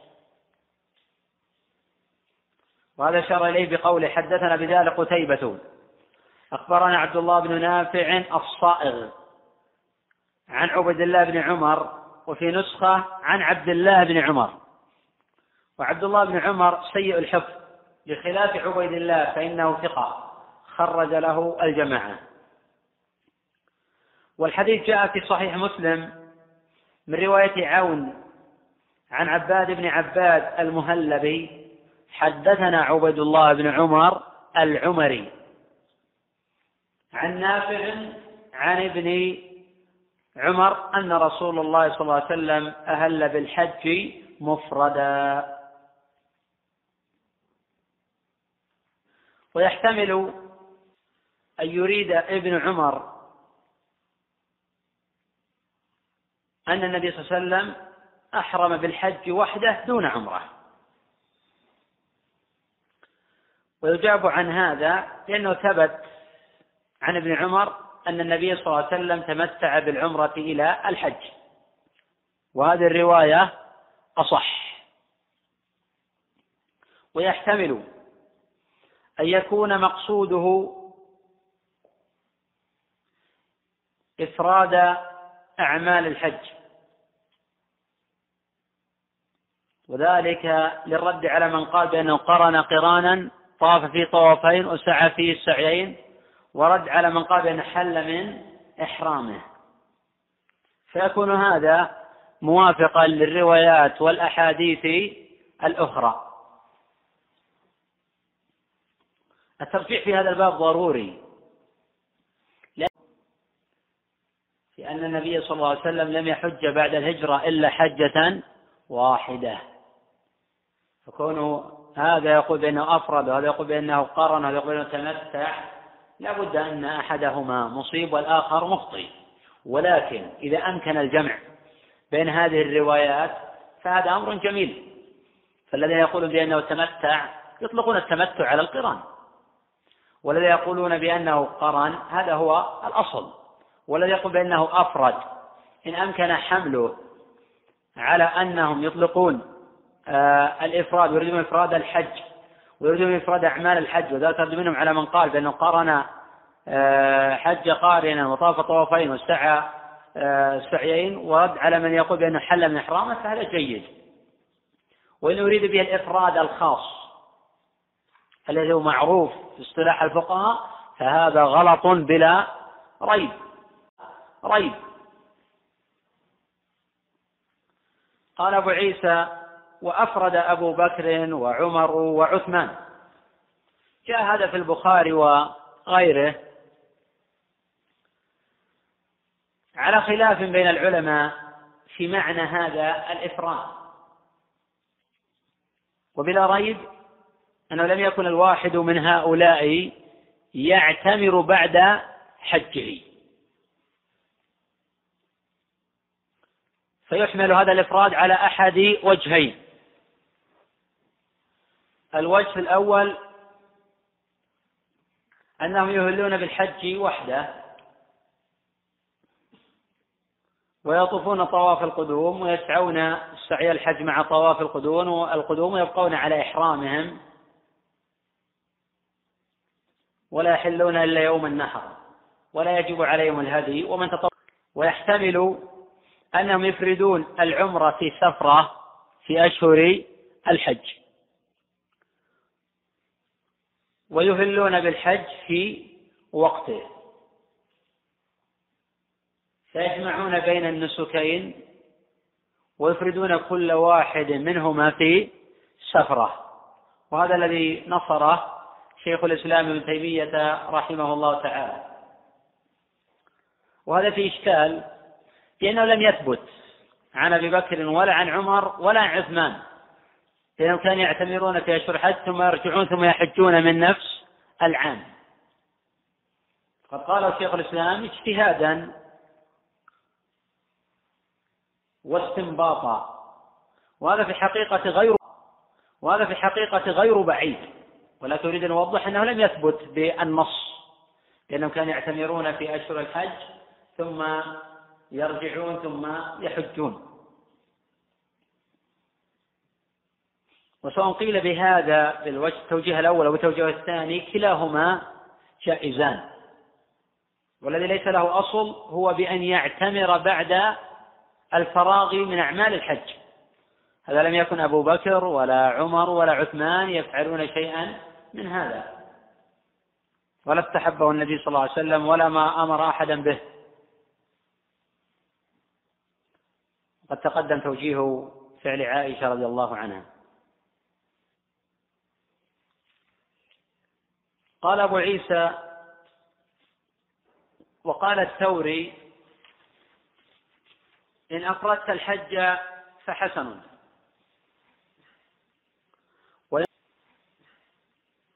وإن قرنت فحسن. وإن تمتعت فحسن. وهذا لا يختلف فيها العلماء. استثناء من قال من أهل الظاهر لأنه لا يحج إلا متمتعا التمتع العام أو التمتع الخاص. الصواب أن الأنساك الثلاثة ثابتة بالأدلة الصحيحة ولم ينسخ منها شيء. وقد جاء في صحيح مسلم حديث أبي هريرة أن النبي صلى الله عليه وسلم قال والذي نفسي بيده ليهلن ابن مريم بفج الروحاء حاجا أو معتمرا أو ليثنينهما. هذا خبر في صحيح مسلم وعيسى حين ينزل يحكم بشريعة محمد صلى الله عليه وسلم. والنبي قال والذي نفسي بيده لي محمد صلى الله عليه وسلم.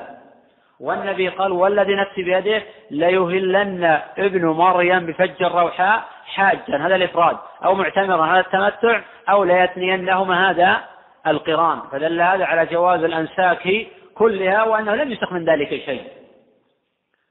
ومن قال بأن الإفراد منسوخ بأن النبي صلى الله عليه وسلم أمر كل من لم يسق الهدي بأنه يحل فيجاب عنه بأن هذا الأمر للاستحباب.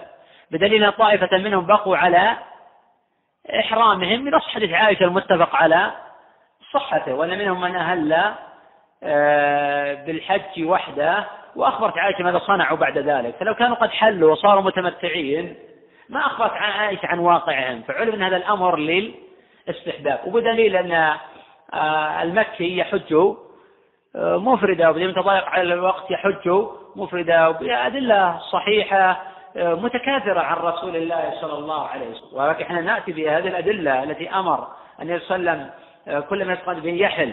ونظم هذا الحديث مع أدلة حديث عائشة. لأن الطائفة من الصحابة حجوا أو لبوا بالحج. وماذا أخبرت عائشة؟ أخبرت أنهم فعلوا. وكذا وكذا. فدل هذا أنهم بقوا على إحرامه. ونأتي لحديث أبي هريرة والذي نفسي بيده ليهلن ابن مريم إلى آخره. ونضيف إلى الأحاديث الأخرى نفهم بأن أمر صلى الله عليه وسلم آه، بالحل كل من لم يسق الهدي بأنه للاستحباب وليس للإيجاب. قال أبو عيسى وقال الشافعي مثله وقال أحب إلينا الإفراد ثم التمتع ثم القران. أي وقال الشافعي مثل قول الثوري إن أفردت الحج فحسن وإن قرنت فحسن وإن تمتعت فحسن. قال الشافعي أحب إلينا الإفراد.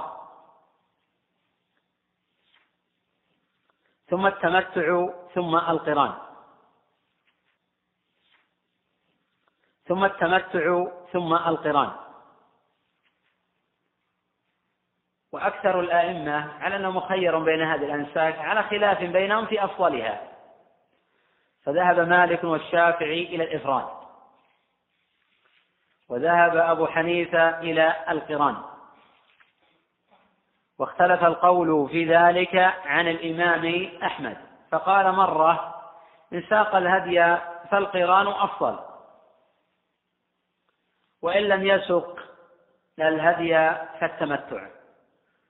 وعنه قال التمتع أفضل بكل حال. وحينئذ يكون الأفضل ألا يسوق الهدي. ولكن إن ساق الهدي فهذا يمنعه من التحلل. قال أبو عيسى رحمه الله تعالى أدلة الإفراد. شرع رحمه الله يتحدث عن القران.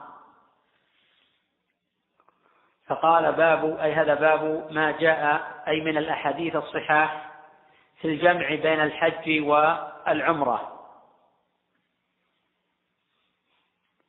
قال حدثنا قتيبة أخبرنا حماد بن زيد عن حميد أي الطويل عن أنس قال سمعت النبي صلى الله عليه وسلم يقول لبيك بعمرة وحجة.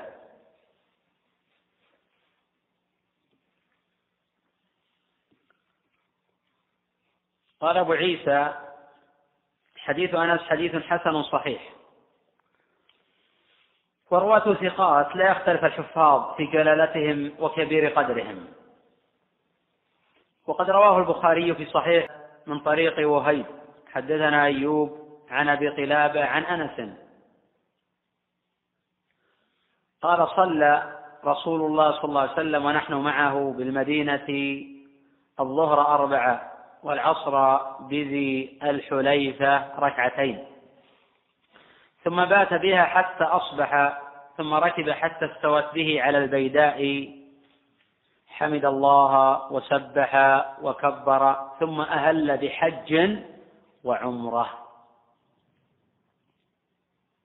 وجاء في الصحيحين من طريق حميد عن بكر عن أنس أن النبي صلى الله عليه وسلم أهل بعمرة وحج. قال الإمام أحمد لا أشك أن رسول الله صلى الله عليه وسلم أن رسول الله صلى الله عليه وسلم حج قارنا. وقد حكى هذا عن النبي صلى الله عليه وسلم أكثر من خمسة عشر نفسا. ومن حكى عن النبي صلى الله عليه وسلم بأنه لم يقرن فقد غلط. وما جاء عن بعض الصحابة بأن النبي صلى الله عليه وسلم حج متمتعا فهذا يعنون به التمتع العام وليس بالخاص. والتمتع عند الصحابة وفي لغة القرآن يتناول القران. والذين يروون عن النبي صلى الله عليه وسلم بأنه أفرد فهؤلاء يروى عنهم بأسانيد صحيحة بأنه تمتع.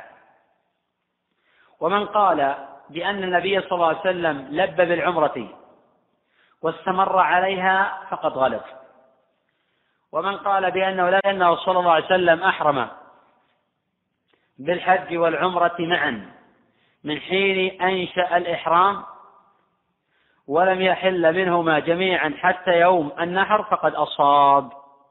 وقد تواترت الأحاديث في هذا. وقد قال الإمام أحمد رحمه تعالى من ساق الهدي فالقران أفضل. وهذا لأنه فعل النبي صلى الله عليه وسلم. وما كان الله ليختار لنبيه إلا الأفضل.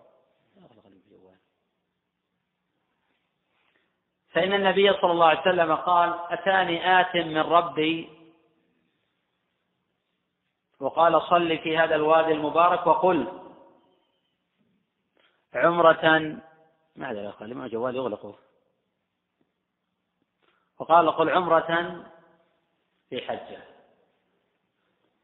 فإن وقل عمرة ما أدري أخي لما جوال يغلقه وقال قل عمرة في حجة. فإن الله جل وعلا اختار لنبيه القران. فهذا دليل على أنه أفضل الأنساب.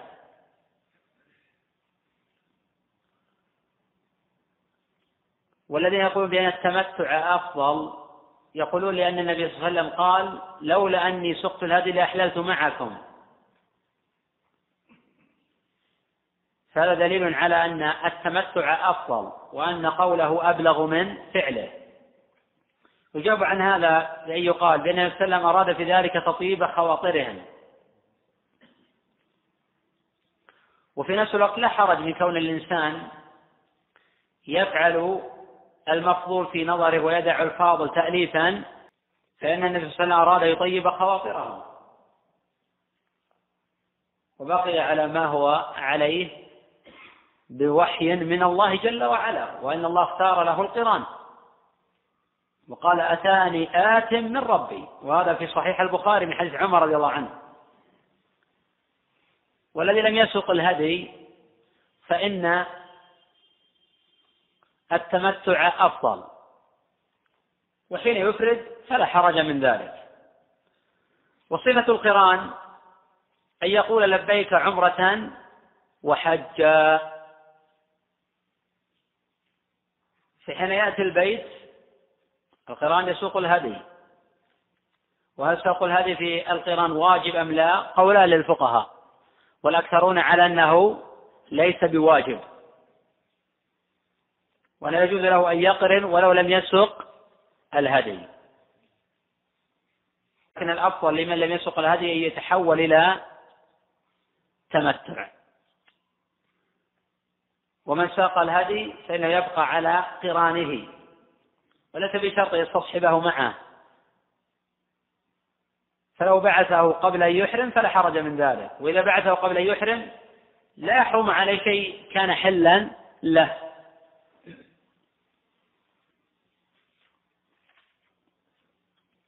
ثم يطوف القارن بالبيت يسمى هذا طواف القدوم ويسعى سعي الحج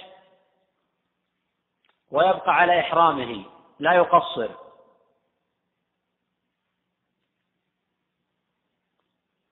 إذا كان يوم النحر رمى جمرة العقبة ثم نحر ثم حلق ثم طاف بالبيت. فيكون قد تم. والقارن لا يجب عليه إلا سعي واحد.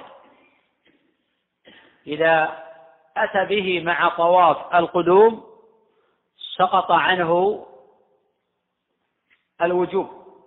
وإذا لم يأتي به مع طواف القدوم بقي في ذمته يأتي به مع طواف الإفاضة.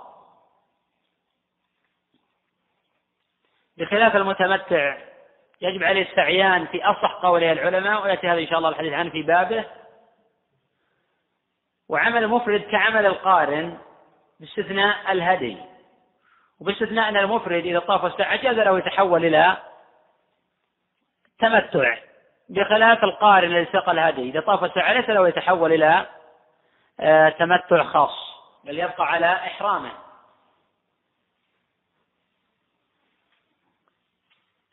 وقد قالت حفصة لرسول الله صلى الله عليه وسلم ما شأنك حل ولم تحل؟ لم تحل. قال إني لبت رأسي وقلدت هدي فلا أحل حتى أنحر. وهذا دليل على أن القارن يحل بمجرد النحر ولكن حين ننظر في فعل النبي صلى الله عليه وسلم فلعل يقصد أحد أمرين إما أنه فلا يحل حتى أنحر أي حين يدخل وقت النحر أو أنه يعني حين أنحر لأن من العادة أنه يرمي ثم ينحر ولا حرج. حين يرمي أن يحل ويستحب للقارن أن يحل بعد النحر.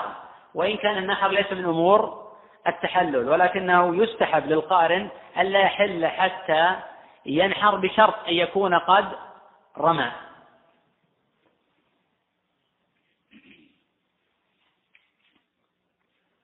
قال أبو عيسى رحمه الله تعالى وفي الباب عن عمر هذا رواه البخاري. حين قال صلى الله عليه وسلم أتاني آت من ربي. وقال قل عمرة وحجا وعمران بعض أهل العلم لهذا واختاره من أهل الكوفة وغيرهم. صار إلى هذا الإمام أبو حنيفة رحمه الله تعالى فإنه يفضل القران مطلقا. وصار إليه الإمام أحمد إذا ساق الهدي. وهذا اللي اختاره طوائف من أهل العلم لأن الله لم يكن يختار لنبيه إلا الأكمل والأفضل. نقف على هذا. نأخذ إن شاء الله تعالى غدا. باب ما جاء في التمتع. فإن أبا عيسى رحمه الله بدأ بالإفراد ثم بدأ بالقران ثم ختم ذلك بالتمتع. والإمام أبو عيسى رحمه تعالى قدم الأنساك على آه، المواقيت.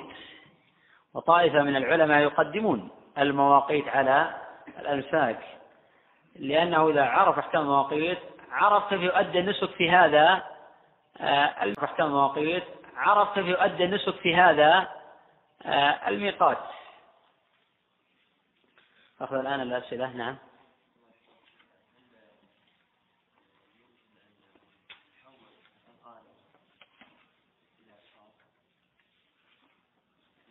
إذا ساق الهدي لا.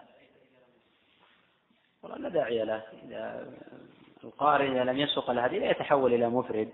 وإن كان عمله آه، يشبه عمل المفرد إلا أنه عليه الهدي. ولكن إذا كان قد ساق الهدي فإنه لا يتحول. لا إلى إفراد ولا إلى تمتع خاص. وإذا لم يكن قد ساق الهدي فله يتحول إلى آه، التمتع الخاص. أما كون يتحول إلى إفراد الصواب لا. نعم. لا يتحول لكن لو تحول في من أجازه. متمتع ولكن النبي صلى الله عليه وسلم ندب الأمة إلى أن من لم يسوق الهدي يتحول إلى تمتع. ولكن أهل مكة حجة مفردة متضايق على وصف حجة مفردة.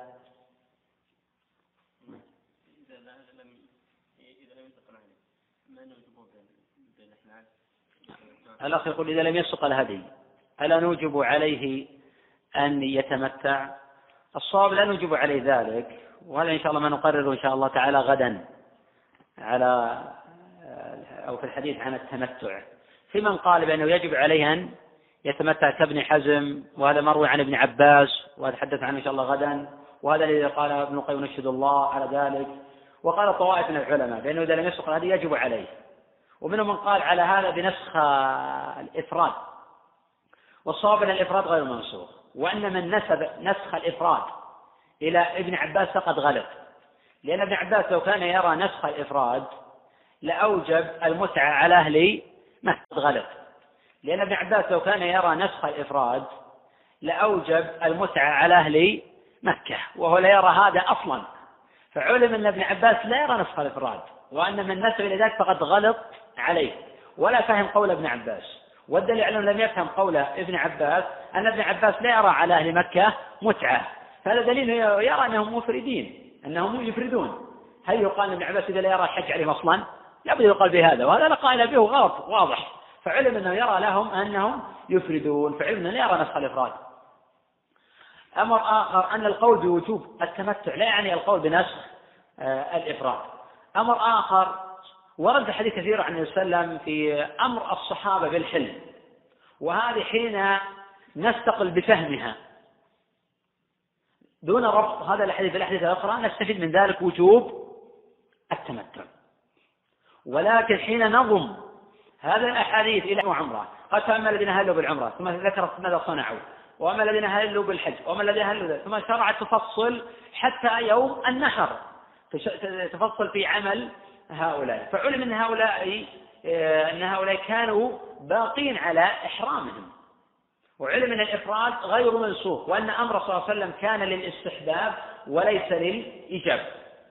أمر آخر حديث أبي هريرة اللي قبل قليل الصريح أن النبي صلى الله عليه وسلم قال والذي نفسي بيده ليهلن ابن مريم بفج الروحاء ونحن نعلم أن عيسى حين ينزل يحكم بشريعة محمد صلى الله عليه وسلم. وقد أخبر النبي صلى الله عليه وسلم أنه يصنع أحد هذه الأنساك يعلن حاجا أي مفردا. أو متما يعلن حاجا أو معتمرا هذا التمتع. أو ليثنينهما هذا القران. فعلم أن هذه الأنساك الثلاثة جائزة. وهذا الذي في الحقيقة اتفق عليه الصحابة وهذا الذي في الحقيقة اتفق عليه الصحابة رضي الله عنهم. على خلاف بينهم في الأفضل. فحينئذ في من قال بأن آه، التمتع واجب في من قال بأنه مستحب والقول بأنه آه، مستحب أقوى من القول بأنه آه، واجب للأدلة الأخرى. وهو صحيح أنا أقول الذي بيأخذ بأدلة الأمر بالفسخ يستفيد من ذلك الوجوب ولكن ليس طريقة الفقهاء. الذين يجمعون بين النصوص على قدر الإمكان. فإحنا نأخذ بنص دون نص في الحقيقة نلغي بعض النصوص والجمع واجب متى ما أمكنه. وإلا في الأخير نسخ بينة.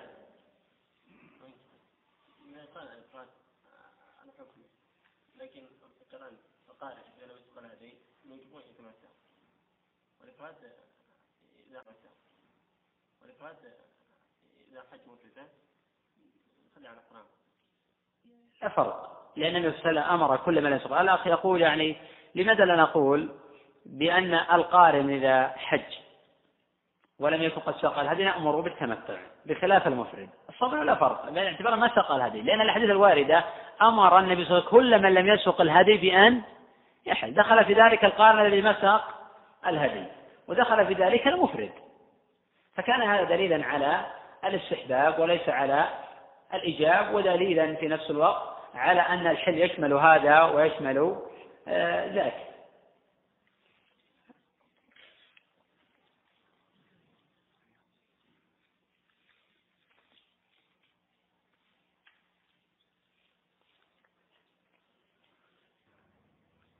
الأخ يقول هل تأخير طواف الحج؟ باح مطلقة. ولو لم يكن في ذلك حاجة. فالذين يريدون تأخير طواف الإفاضة سواء كانوا متمتعين أو كانوا قارنين أو كانوا مفردين إلى وقت طواف الوداع. وينوون في ذلك طواف الإفاضة فإن هذا مجزئ عنهم. واستشكل بعض العلماء تأخير طواف الإفاضة للمتمتع وأنه يقول إذا أخر طواف الإفاضة وأن المتمتع إذا أخر طواف الإفاضة والمتمتع عليه سعي على الصحيح فإنه سيضطر إلى السعي. وحينئذ هؤلاء يلزمونه الرجوع مرة أخرى لطواف الوداع. ومنهم من قال لا لا حرج أن يسعى ثم يطوف. لا لا حرج أن يسعى ثم يطوف. هذا في نظر. ومنهم من قال يطوف ويسعى ويخرج ولا شيء عليه لأن عائشة طافت وسعت ولم تثبت رواية بأن رجعت فودعت. ولعل هذا القول هو الأقرب إلى الصواب بأن المتمتع إذا أخر طواف الإفاضة وطاف والسعي يسقط عنه طواف الوداع وأن السعي غير مؤثر في هذا. ومسألة أخرى مهمة. كثير من الناس يؤخر طواف الإفاضة مع الوداع ولا ينوي نية الإفاضة فينسى. وينوي الوداع ولا سيما الذي قد يكون قد قرن أو أفرد. وهذه مسألة خلافية. قال الجمهور لا يصح طوافه. قال الجمهور لا يصح طوافه. قال الجمهور لا يصح طوافه. لأن النية شرط لصحة الطواف. وهذا قد نوى طواف الوداع. ونية طواف الإفاضة شرط لصحة الطواف. فعند هؤلاء يجب عليه إعادة الطواف. وفي من هؤلاء من قال لو نواه معا لما أجزأ. وفي من هؤلاء من قال لو نواه معا لما أجزأ. لا بد أن ينوي طواف الإفاضة ويدخل تدخل يدخل الوداع تبعا. قول آخر في المسألة ذهب إليه بعض الشافعية وطائفة من الفقهاء لأنه لو نوى الوداع ونسي نية الإفاضة أجزأ ذلك عنه. لأن نية الحج كافية. عن نية طواف الإفاضة. بدليل أنه لو كبر تكبيرة الإحرام نية الدخول في الصلاة كافية عن نية الركوع وعن نية السجود. في الصلاة كافية عن نية الركوع وعن نية السجود. وإذا دخل في الحج فهو يريد يؤدي النسك الذي أهل به. فهذه النية استغنى بها عن نية الطواف أو عن نية السعي أو عن نية الوقوف في عرفة. وبدليل أنه لو نام في عرفة ولم يستيقظ لأجزأ وقوفه عنه. ولعل هذا القول هو الأقرب إلى آه، الصواب. الأخ يقول من حج متمتعا فلما جاء إلى مكة وقضى العمرة خرج لزيارة المدينة. فهل يجب عليه يأتي بعمرة أخرى؟ أولا نشير لمسألة مهمة. إذا كان رجل من أهل المدينة ثم حج متمتعا فلما أخذ العمرة رجع إلى بلده هل ينقضي تمتع أم لا؟ قولا للعلماء سواء كان من أهل المدينة أو من أهل نجد وغير ذلك إذا رجع بلده. إذا كان بلده ليس مسافة قصر فإن التمتع لا ينقطع وإذا كان بلده في مسافة قصر هل ينقضي تمتعه أم لا؟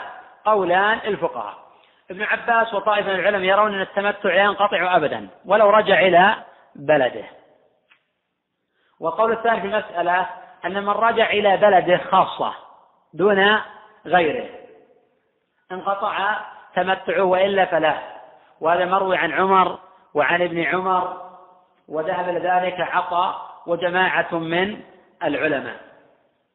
والأخ يقول فلما جاء إلى مكة وقضى العمرة خرج لزيارة المدينة. يعني قد يكون هذا من الوافدين وهذا كثير في صنيعهم.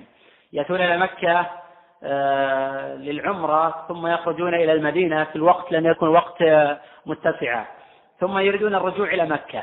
إذا كان يرجعون إلى مكة في وقت الحج فإنه يجب عليهم في الحج الذي هو اليوم الثامن. فإنه لا يتجاوز الميقات الميقات إلا بإحرام. وكان يرجى العودة إلى مكة. قبل وقت التلبية. فإن هذا الفاصل في السفر غير مؤثر. فإن هذا الفاصل غير مؤثر. فحين يدخلون مكة بدون إحرام ويهلون من أماكنهم في يوم التروية. وفي من العلماء من قال إذا أراد يرجع يهل بالحج. لعموم الحديث هن لهن ولمن أتى عليهن من غيرهن من يريد الحج أو العمرة. ولكن نقول بأنه غير مؤثر فباعتبار وجودك عدم لأن هذا فاصل غير مؤثر وهذا لعله الأقرب إلى آه، الصواب.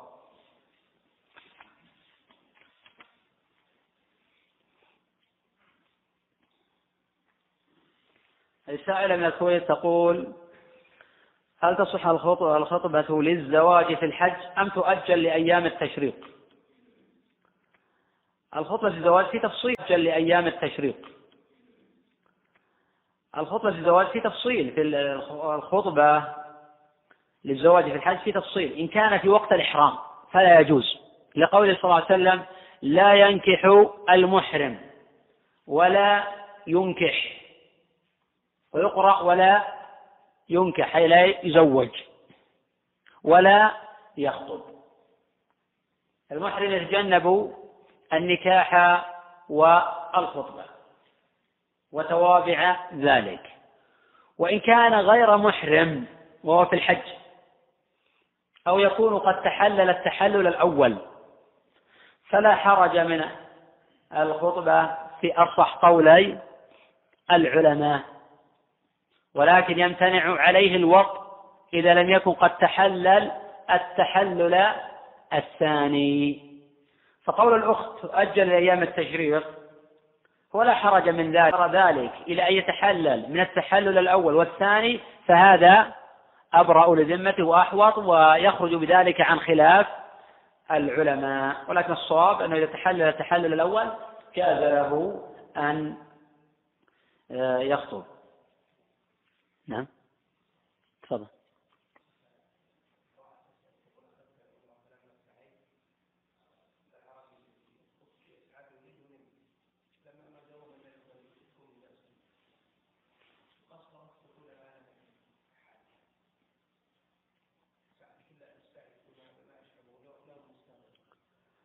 شيخ يقول في امرأة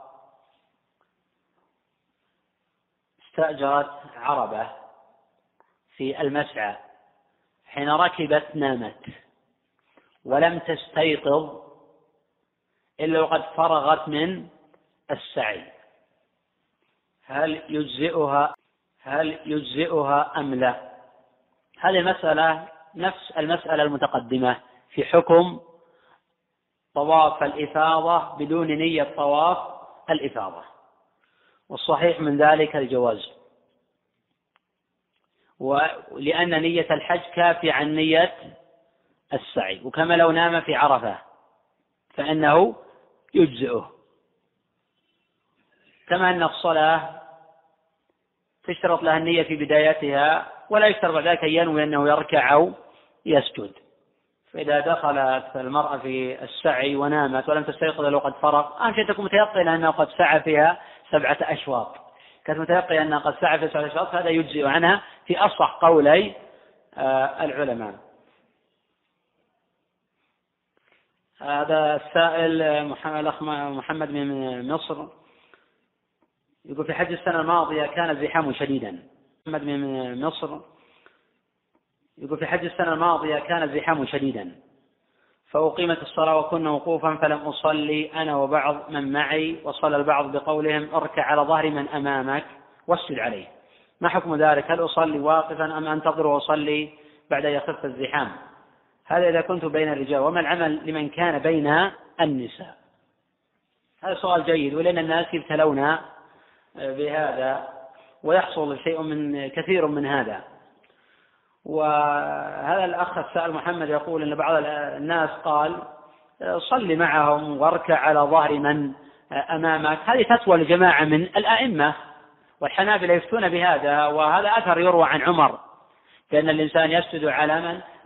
كأنه إشارة وكناية عن كونه تسجد على أي هيئة كانت. ليس معنى حقيقة اللفظ أنك تسجد على دبره حقيقة. إنما المعنى أنه كناية أنك لو ولو على دبره. أهم شيء أنك تصلي. إنما المعنى أنه كناية أنك لو ولو على دبره. أهم شيء أنك تصلي وإذا ما تعذر السجود على الأرض تومئ إماء. ولعل هذا القول قول قوي. تدخل مع الإمام وتصلي على أي هيئة ولو كانت الصلاة بالإمام وطائفة من العلماء يقولون تنتظر وتصلي لأن الصلاة تحتاج إلى خشوع وطمأنينة. وحينئذ ما تستطيع أن تخشع. ولا يتيسر لك السجود والوقت لا يفوت وإن فاتت الجماعة فإن الوقت لا يفوت فتنتظر حتى يسلموا صلاتهم ثم تنشئ صلاة أخرى. ولكن القول الأول لعله أقوى. ثم ذكر الأخ مسألة أخرى يقول هذا إذا كنت بين الرجال يعني الحكم الأول إذا كنت بين الرجال لكن ما العمل لمن كان بين النساء ريب أن يحرم عليه أن يسجد على ظهر امرأة وعلى امرأة؟ هذا لا إشكال فيه. وأن الأثر الوارد عن عمر وعن غير عمر ممن قال أسجد على ظهر باعتبار أن النساء يصلين خلف الرجال وأما حين يوجد اختلاط من شدة الزحام وتكون آه، المرأة أمامك فالإنسان على قدر الطاقة يتقي أن يصلي وامرأة أمامه. ويجب على المرأة في نفس الوقت أن تبتعد عن أماكن الرجال. وإذا أقيمت الصلاة في أماكن الزحام فتحاول أن تتنحى وأن تصلي وراء الرجال. وإن كان بعض الفقهاء رخص في صلاة المرأة بين الرجال حين شدة الزحام ولكن المرأة لا تجب عليها جماعة فبإمكانها أن تؤخر الصلاة ولا سيما أنه قد يحصل ضرر بعض المخالفات الشرعية ثم إذا فرغ الإمام من تصلي وحدها أو مع مجموعة من النساء لا حرج في ذلك أما كون الرجل يسجد على ظهر امرأة فهذا لا يجوز في أي حال من الأحوال. ولكن يصلى وأمامه امرأة لحاجة أو لضرورة فإن الصلاة تصح في أصح قولي آه، العلماء.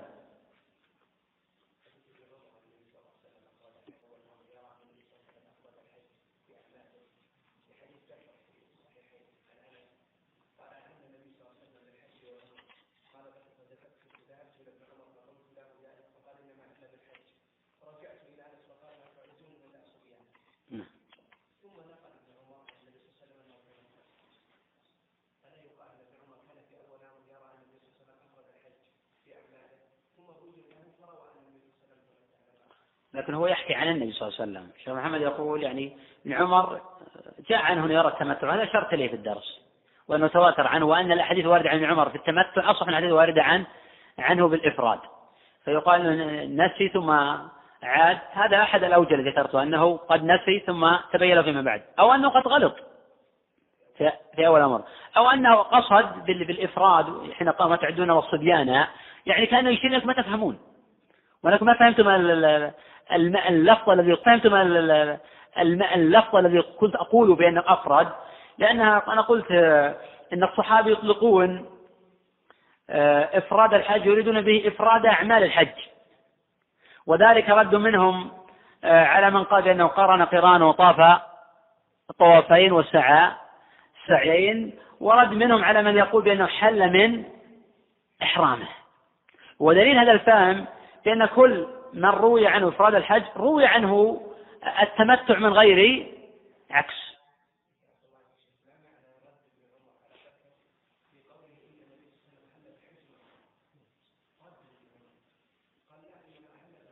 يعني كبداية ربما. ربما أن ابن عمر يقصد أفرد الحج. يعني ثم كبداية أفرد الحج ثم أدخل العمرة على الحج. وهذا قول طائفة وإن كان ابن القيم يخطى هذا القول في زاد المعاد.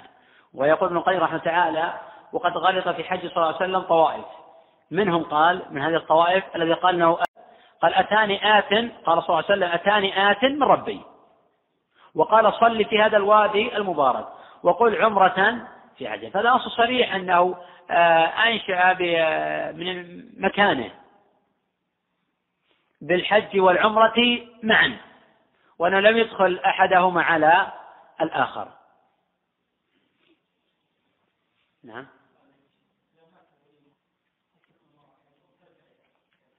صواب أنها تكمل الحج. الأخ يقول إذا توفي ولي المرأة في أثناء الحج وهي مثلا في عرفة هل تكمل الحج أم ترجع؟ الصواب أنها تكمل. يعتبر هذا من جملة آه، الأعذار. الأخ يقول آه، أريد لو سمحت أن تعيد أنا أفعال القارن باختصار. القارن شأنه شأن غيره وأنا أشرت إلى ذلك. إذا وصل إلى الميقات يقول لبيك عمرة وحجة. طبعا يأتي إن شاء الله الاغتسال والنظافة ويأتي ما يتعلق بذات أحكام المواقيت. لأن بعيسى قد الاغتسال والنظافة ويأتي ما يتعلق بذات أحكام المواقيت. لأن بعيسى قدم الحديث عن الأنساك وأخر الحديث عن المواقيت. فالقارن يقول لبيك عمرة وحجة. حين طبعا تتجرد من آه، الثياب والملابس وما ثبت عن النبي النهي آه، عنه. ثم يزال يلبي. ويسوق الهدي معه أو مع غيره. المقصود أنه لا يشرع في أفعال الحج إلا وقد ساق الهدي من الحل. ليس له يشتري الهدي من الحرم. لو اشتراه في الطريق من قديد أو من أدنى الحل لا حرج من ذلك. ولو وكل عليه شخصا ولو اشترى من الحل ثم أبقاه في الحل ثم خرج له فيما بعد يأتي به لا حرج من ذلك. ثم بعد إذا وصل البيت يطوف بالبيت ويسعى بين الصفا والمروة ويبقى على إحرامه فلا يحل إلا يوم النحر. يحل بعد النحر. لقول صلى الله لا يحل حتى أنحر. وهذا على الاستحباب ليس على الإيجاب. لأن المتمتع والمفرد والقارئ يحلون حين الرمي في أصح قولي العلماء. ومن قال بأن الحاج لا يحل إلا بفعل اثنين من ثلاثة فقد غلط لأنه لا دليل على هذا. وإن كان هو المشهور الآن في المناسك إلا أنه لا دليل عليه. وإن شاء الله يأتي توضيح إن شاء الله في الأبواب آه الأخرى. فهذا صفة آه القرآن. القارن يكتفي بالسعي واحد. إذا أتى به مع طواف القدوم اكتفى به عن السعي عن السعي مع طواف آه الإفاضة.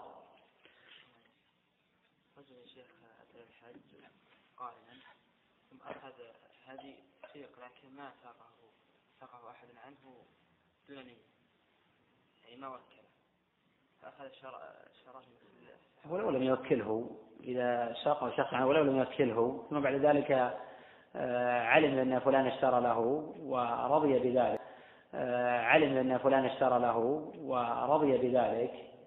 ولم يكن قد طاف البيت وسعى فلا حرج من ذلك. حتى لو طاف وسعى جوز طائف من العلماء هذا الأمر.